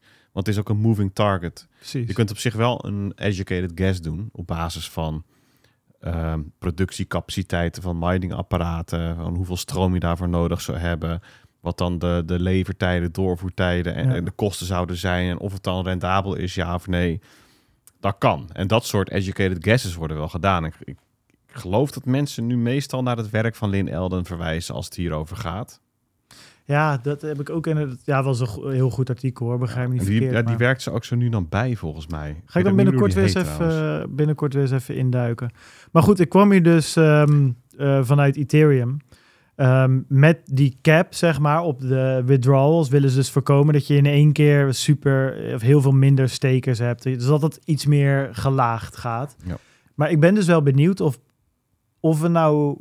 Gaan we nou bijvoorbeeld zien dat de eerste twee, drie weken na, nadat die uh, update geweest is, dat die cap elke dag gevuld wordt? Of zitten heel veel mensen wel goed op een plek en hebben ze zoiets van, nou, prima, ik zit hier voor de long run, ik blijf gewoon steken. Ben ik wel benieuwd naar. Ik weet Ja. het niet. Ja, dat is moeilijk. Of, wat- of komen er juist stekers bij, omdat ze nu we- weten Ja. van nu kan ik het in ieder geval ook weer opnemen. Dat ze dat risico zien wegvallen. Ik ben benieuwd Ja. of, die, of die slots Ik- ik- allemaal gevuld ik, gaan Ik ga worden. ervan uit dat, er wel, eh, dat je wel een periode hebt van... eh, dat, dat, er, dat, dat gesteekte eters zeg maar, naar buiten toe vloeien. En, en dat mensen ook weer dingen gaan verkopen en zo. Maar ik denk niet dat het een één groot eh, verkoopfestijn is of zo. Dat die hele koers in elkaar keldert. Nee, ja, dat, dat, dat, ja, dat is dus ook wel- Hoeveel, hoeveel waren het per dag, zei je? Voor mij 42.000, dacht ik ergens gelezen te hebben. Maar goed, ik weet, in ieder geval zat er een cap, eh, cap op.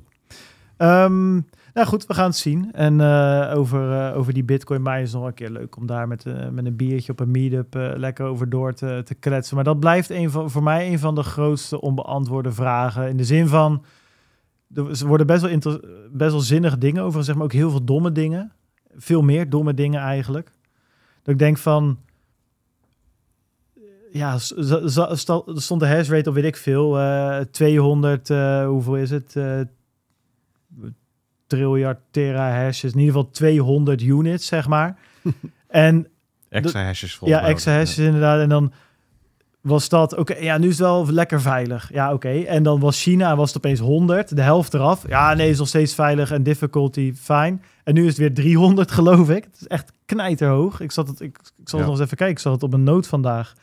Dat ik de- denk van, ja, maar waar moeten we nu zitten? Wanneer zitten er genoeg sloten op die kluis? Dat is heel moeilijk in te schatten. Is, het, is het nu een, een kluis met veel te veel sloten. Ja, Hè? precies. Dat, dat, maar er, er dat, zit, dat er gewoon eh, echt te veel beveiligers om zo'n kluis heen staan. En als de helft vertrekt, is het nog steeds veel te er veilig. zit Ja. ook iets van padafhankelijkheid in. Hè? Als je eenmaal zoveel sloten hebt gehad, dan is het problematischer als je teruggaat dan als je ze nog niet zoveel hebt gehad. Omdat namelijk die sloten dan out there zijn. Hè? Met andere woorden, de miningapparatuur die dan tegen je ingezet kan worden.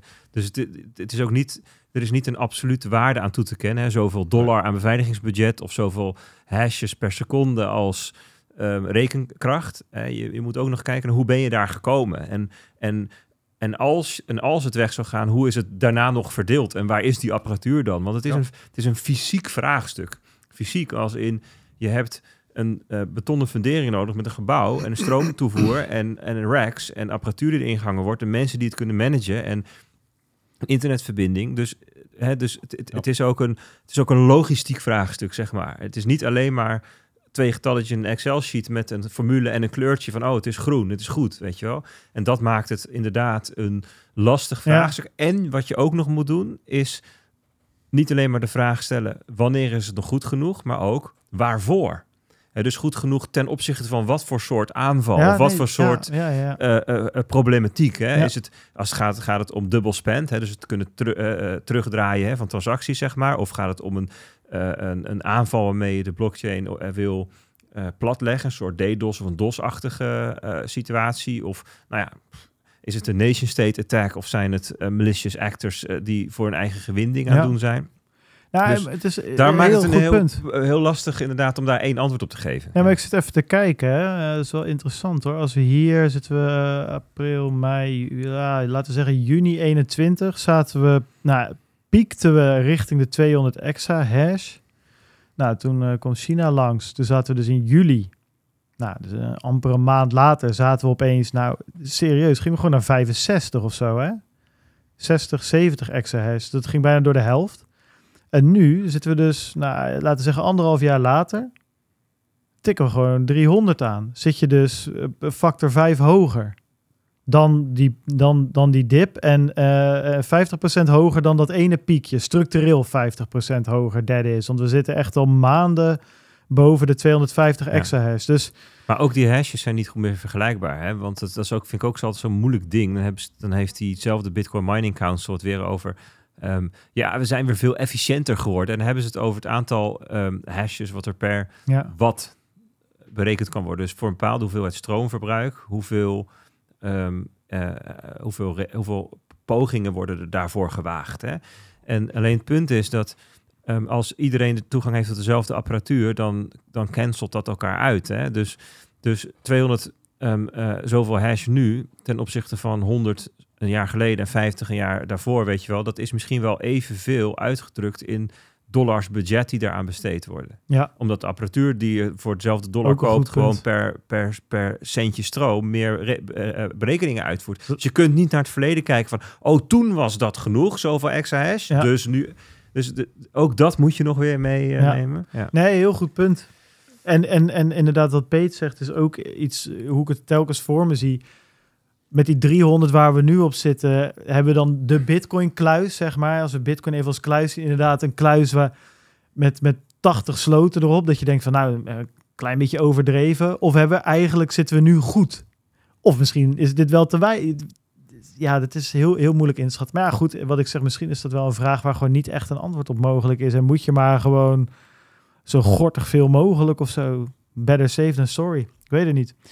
Ehm, maar dat betekent wel dat als het ja, eh, een daling opeens van 50% van de hash rate, kan je dus niet zomaar wegzetten van ah, difficulty adjustment, maakt niet uit. Nee, technisch niet. Technisch kunnen we naar één extra hash. Ja, sure. En dan eh, komt de Maar dat difficulty... zit in dezelfde categorie als Bitcoin kan niet dood. Nee, oké. Nou goed, dat is misschien ook weer waar. Maar toch zie ik het wel vaak langskomen. En ik zag het ook weer... ehm, nou, dat, dat was meer die 21 miljoen discussie die ook weer de kop opstak. Dat iemand had gezegd van... joh, misschien eh, zou het Ja, klopt. kunnen dat die 21 miljoen ooit aangepakt wordt. En die Ja. werd op een gegeven moment zelfs door Adam Beck gesloopt. Denk ik van, nou, hoezo zou dat niet kunnen? Ik bedoel, het, nee, maar ik zeg niet dat, dat je het moet willen of whatever... Maar je kan toch wel een beetje de mentale gymnastiek opbrengen om een situatie te bedenken waar dat misschien on the Ja, table is. Wat, wat er laatst weer langskwam, ik denk dat dat degene is waar je het over hebt. Het was iemand die zei, ja, na- natuurlijk gaat dat worden aangepast. Het is onvermijdelijk dat we in een situatie komen dat iedereen besluit om ehm tail issuance, of hoe noemen ze dat? Ja. Dat, je, dat, je nog een, dat je oneindig lang een bepaald niveau aan gaat houden. En daarvan zei Adam Beck, nou, dat is, dat is, dat is eh, ehm, Ja, oké. dat is koe- koeien- ver, verre, Ja. verre toevoeging. Maar ik denk als je het zeg maar ietsjes verder uitzoomt, dat er nog conceptueel wel ehm, ehm, het, het punt blijft. Wat Satoshi himself natuurlijk ook al maakte in 2010, denk ik. Ehm, uiteindelijk moet bit, wordt Bitcoin of heel erg veel gebruikt of helemaal niet. Want er moet uiteindelijk voldoende economische activiteit zijn om een bepaald beveiligingsbudget op te hoesten. En hoeveel dat dan is, daar kun je inderdaad allerlei berekeningen en filosofie over op nahouden. Maar het moet een bepaald budget zijn. En als op een gegeven moment er de, de, de, de, de adoptiecurve die gaat nu omhoog, maar als die weer naar beneden gaat, zoals ooit ook met de CDI-speler en de compactcamera, dan kom je op een punt dat, dat het nog een marginale rol ergens speelt, maar dat is dan zo weinig dat het geen significant budget meer is. Dat eigenlijk iedereen die er een klein beetje werk van maakt, dat, dat er zo naast legt, zeg maar. Ja. Dus, dus dat punt blijft staan. Wat mining, wat proof of work betreft, kom, kom je uiteindelijk, 2040, is hè, wel op, op een punt eh, eh, die vrij binair is. Of het is heel succesvol, of het is ehm, ins- insignificant. Hoe noemt de ECB het nou ook alweer? Ja, path to irrelevant, ir- ja. Path to irrelevance of ja. Dus dat, dat, het, die tweesprong is er uiteindelijk nog wel een keertje. Ik zie, nee, ik zie nog in de chat even binnen. Er is op zich een incentive voor de echte hodlers om te blijven minen. Ja, zeker. Maar met je paar S9-kacheltjes... eh, als dat je beveiligingsbudget is, dan moet je daar ook een soort van de totale waarde van je netwerk... Die, die twee die kunnen niet al te veel uit elkaar lopen. Want dan is er gewoon criminele arbitrage. Als in van, dan ga je gewoon, eh, weet ik veel, dan is er wat te halen. Dus dan ga je, eh, weet ik veel, 51 attacks of dat soort dingen doen. Dus als jij met, tuurlijk, je kan met z'n eh, paar honderdduizend man zijn S9 aanzetten. Maar ja, goed, dan, dan heb je weer bitcointjes van een paar centen. om, om, omdat het anders gewoon weggeforkt of ge- gejat of weet ik veel wat wordt. Dus ehm, kijk, wat wel zou kunnen op een gegeven moment, dat er hodlers zijn die gortig veel geld eraan uit hebben gegeven. Dus hele grote bedrijven of misschien landen. Dat zie ik, dat, dat zou nog wel een, een pad kunnen zijn. ehm, waar je dus mogelijk, dat je dus zegt van dat, dat die tegen een verlies gaan mijnen, omdat, omdat ze er te veel belang bij hebben dat het goed moet blijven gaan.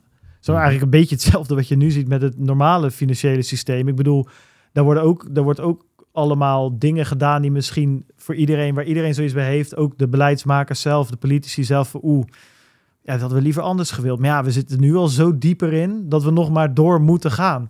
Dat zou natuurlijk ook kunnen als je eh, op de een of andere manier Bitcoin als een soort van reserve currency en whatever. En iedereen zit daar helemaal invested in. Ja, dan wil je niet dat als Amerika zijnde dat China opeens eh, eh, jouw coins weg kan forken op de een of andere Ja, manier. dus dus, dat- dan ga je minen. een Eh, de- soort spel theoretisch op geo, geoschaal. Exact. ja. Maar goed, dan heb je het wel over dat soort hodlers. Ja. Ehm, Wil jij afsluiten? Want ik, Ja. ik, heb nog, ik heb nog één eh, wat Dat verder mag. ter tafel komt opmerking. Ja. Want ik zat namelijk nog even de chat terug te lezen. En Simon, eh, toen wij eigenlijk alweer doorgingen, dat is een beetje het nadeel van die vertraging natuurlijk. hij typt als een gek. Hij probeert ja, het joh, echt bij te echt houden. rook van zijn toetsenbord. maar hij zei, en dat vind ik wel interessant namelijk, want wij hebben het altijd gehad over, joh, het, het punt is, buitenlandse partijen die expliciet de Nederlandse markt benaderen. En dat heeft dan een aantal ke- kenmerken voor. En zeggen we dan altijd, hè, dus Nederlandse taal, ideal, bla bla. Hij zegt, nee, dat gaat niet om. Want dat is nu juist nu duidelijk geworden in deze uitspraak, dat het niet gaat om Nederlandse site en ideal.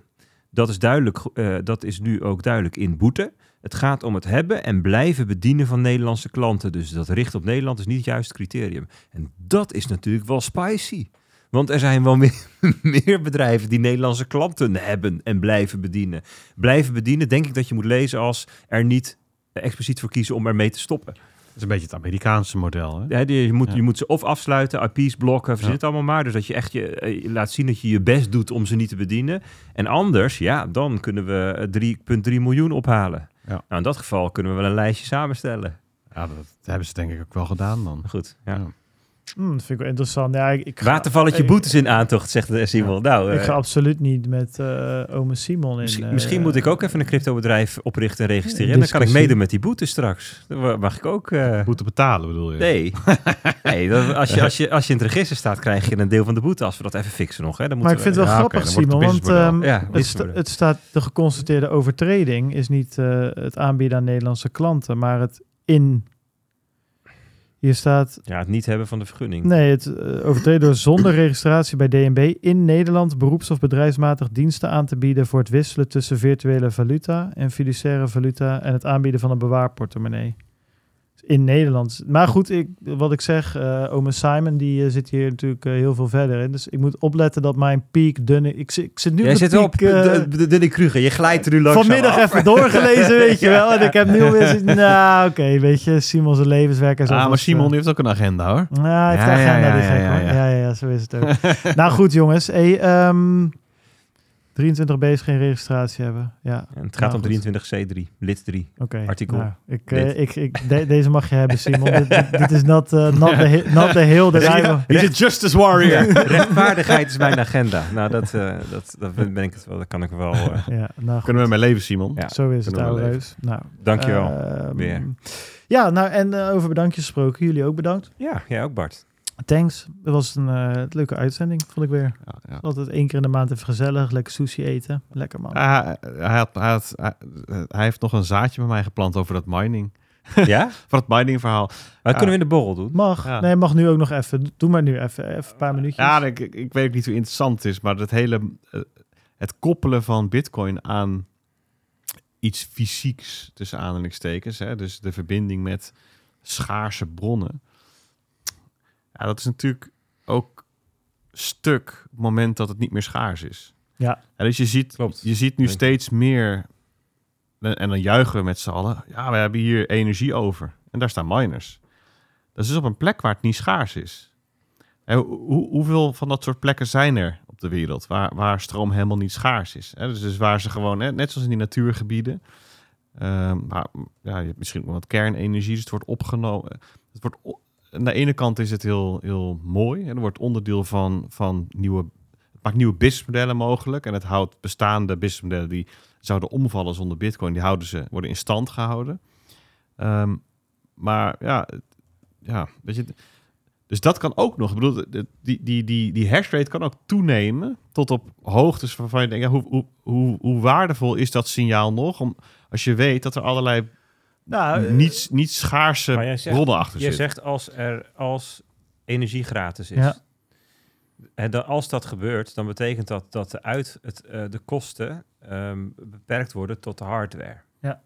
En dus, dus dan is dat de, ja, de fiscal hardware, constraint mensen. En dan zeg je van, een, Ja. eh, ik had het altijd wel leuk, ik had een, ooit een keer een eh, uitgebreid gesprek met Peter Hein van Mulligen, dat is de hoofdeconoom van CBS, over inflatie en de CPI. En uiteindelijk kwamen we ook zo te spreken over de toekomst. Eh, eh, we hadden het namelijk ook over effecten die de CPI omlaag brengen, zoals automatisering, robotisering, AI en dat soort dingen. Ja, wat nou in 2060 of zo, weet je, zaten zo van, stel dat energie gratis is, maar ook spullen zijn bijna gratis, want robots halen eh, het uit de grond en die zetten het in elkaar, die maken zichzelf en zo met gratis energie. Het enige wat je nog overhoudt dan is diensten, want iemand, weet je, ja, je wil als je je haren geknipt wordt dat een mens dat doet, dat je een praatje kan houden, weet je wel. Dus het zou zelfs kunnen zijn dat die, dat die apparatuur gratis wordt. Dat is wel interessant. Dus dan, dan is de hashrate echt gratis. Dan ben je nog wel weer een stukje verder in de toekomst. Nou ja, dat is inderdaad interessant. Dit, hier hebben, hier hebben we sowieso tijdens, de, Dan moet je, ja, dan tijdens het eten voor de uh, live shows al vaker over gehad. Het is ook interessant. eh, ik kwam op een gegeven moment de Kardashev scale tegen. De schaal, de Kardashev schaal. En dit is een van de gozer die ooit eh, verzonnen heeft dat een, een civilization, een, eh, de menselijke, ja, noemen we dat samenleving of zo? Menselijke civilization is groter dan een samenleving. Gewoon mensheid, de mensheid in dit Beschaving, geval. toch? De beschaving, ja. Gewoon dat je dus op een gegeven moment eh, dat je een type 1, type 2, type 3 eh, civilization hebt. En dat heeft ermee te maken hoeveel van de energie die Ja, ja. eh, om je heen is, Ja. die je om kan zetten naar andere soorten, ja, niet andere soorten energie, maar die je naar je hand kan zetten. Daar komt het op neer. En ehm, volgens mij zitten wij een beetje ergens midden in type 1. En op het moment dat wij alle energie, of een groot deel van de energie uit de zon eh, kunnen omzetten, naar onze hand kunnen zetten, ga je naar een type 2 en dan ga je weer sterrenstelsel en whatever. Maar het punt is dat er zo gortig veel energie voorhanden is, dat we alleen nog niet zo goed zijn om het om te zetten eh, of naar onze hand te zetten. Bijvoorbeeld met kernfusie, maar ook bijvoorbeeld zonne-energie, weet je, hoe- er is, zo, er is zoveel. Ehm, en, en het idee is, is dus inderdaad dat je op een gegeven moment als samenleving, als we elkaar niet verrot geknald hebben voor die tijd, dat er een punt gaat komen in de komende paar honderd jaar ergens, dat energie geen issue meer is. Nee, maar, dat, maar er zijn dus best wat mensen die dat eigenlijk in de komende 10, 15, 20 jaar al verwachten. Nou, zou, zou eh, Dat- eh, dat redelijk positief. Maar het kan Ja. maar dat het ergens een keer gaat Ja. gebeuren. En, en de bedoeling is dat Bitcoin er dan ook nog steeds is. Maar wat je dan gaat krijgen, als een van die twee dingen wegvalt. Ja, dan moet je. En, en dan wordt het wel. Dan ben ik wel heel benieuwd hoe het, hoe, hoe het. Maar dat is echt lange termijn denken. Van. Kijk, Bitcoin is al een beetje rupsje nooit genoeg natuurlijk. En nu is dat prima, omdat er nog heel veel dorre blaadjes zijn die niemand aan wil vreten, die Bitcoin rupsje nooit genoeg, maar al te graag opvreet, zoals die landfills, zoals eh, gas flaring, zoals eh, in Afrika met al die dingen. Maar op een gegeven moment, als het goed is, dan heeft iedereen in Afrika elektriciteit. Dus en alle gasfills ook, eh, die hebben we ook niet meer, want daar hebben ook wat slimmers voor bedacht. En we hebben eh, geen gas flaring meer, want dat hoeft ook niet meer. En we hebben eh, eh, kernfusie en we hebben zoveel energie. Ja, dan kan je dus oneindig bitcoin miners blijven bouwen. En oneindig als in, totdat de machines niet meer beschikbaar zijn. Maar er zijn natuurlijk ook andere dingen die chips willen hebben. Dus ik ben, ben wel inderdaad wel heel benieuwd hoe dat gaat. Maar ja, goed. je ja. zal altijd ergens wel eh, een, een, een, een bottleneck in de keten hebben. Daar ben ik niet zo bang voor. Alleen het is al een heel ander equilibrium. Dus, eh, Ja, maar de bottleneck bepaalt een soort van de veiligheid. In de zin van, nu is de bottleneck van, nou, energie is duur, dus je kan niet overal zitten. Dus je moet daar moeite in stoppen. En de bottleneck is dat je niet oneindig miners kan kopen, omdat je zes maanden moet wachten op die dingen. Ze zijn best wel duur en je moet ze eh, bedienen. En je moet die twee dingen ook nog eens samenbrengen. Dus ja, je kan wel heel veel elektriciteit in eh, Congo hebben, maar als jij kapotgeschoten wordt eh, als je voet van je vliegtuig, uit je vliegtuig zet, is het ook niet handig. Ja, als dat ene wegvalt en je kan dat overal neerzetten. ehm, ja. Ja. en misschien is ASML dan wel bezig aan hun 80 miljoenste iteratie van hun, eh, van hun fantastische chipmachine. Ja, wat dan? Maar ja, hopelijk hebben we dan een soort van super AI in onze kop zitten en maakt allemaal niet meer uit, joh. dus liggen we de hele dag eh, in de virtual wereld ergens aan het strand of zo, Peet, saampies. Dat we, zou we zo gaan het nu niet oplossen, maar dit was nog even iets wat me te binnen schoot. is super Je interessant. zat in je afsluiting. Ja, bedankt daarvoor. Eh, Stijn, jongen, bedankt. Jij moet natuurlijk zo het treintje weer hebben. Eh, dus daarvoor ook gaan we afsluiten. Jullie allemaal bedankt voor het luisteren. Ehm, mocht je het leuk vinden, laat het even weten. Mocht je het niet leuk vinden, laat ook even weten. En eh, we hopen dat jullie ervan genoten hebben. Wij wel in ieder geval. Ehm, Journals Telegram groep, volg ons op Twitter. De links kan je vinden op www.satoshiradio.nl. En eh, volgende week zijn we gewoon weer terug met een, eh, ja, met een nieuwe aflevering. 244. Tot volgende week. Hoi, hoi. Later. Adios.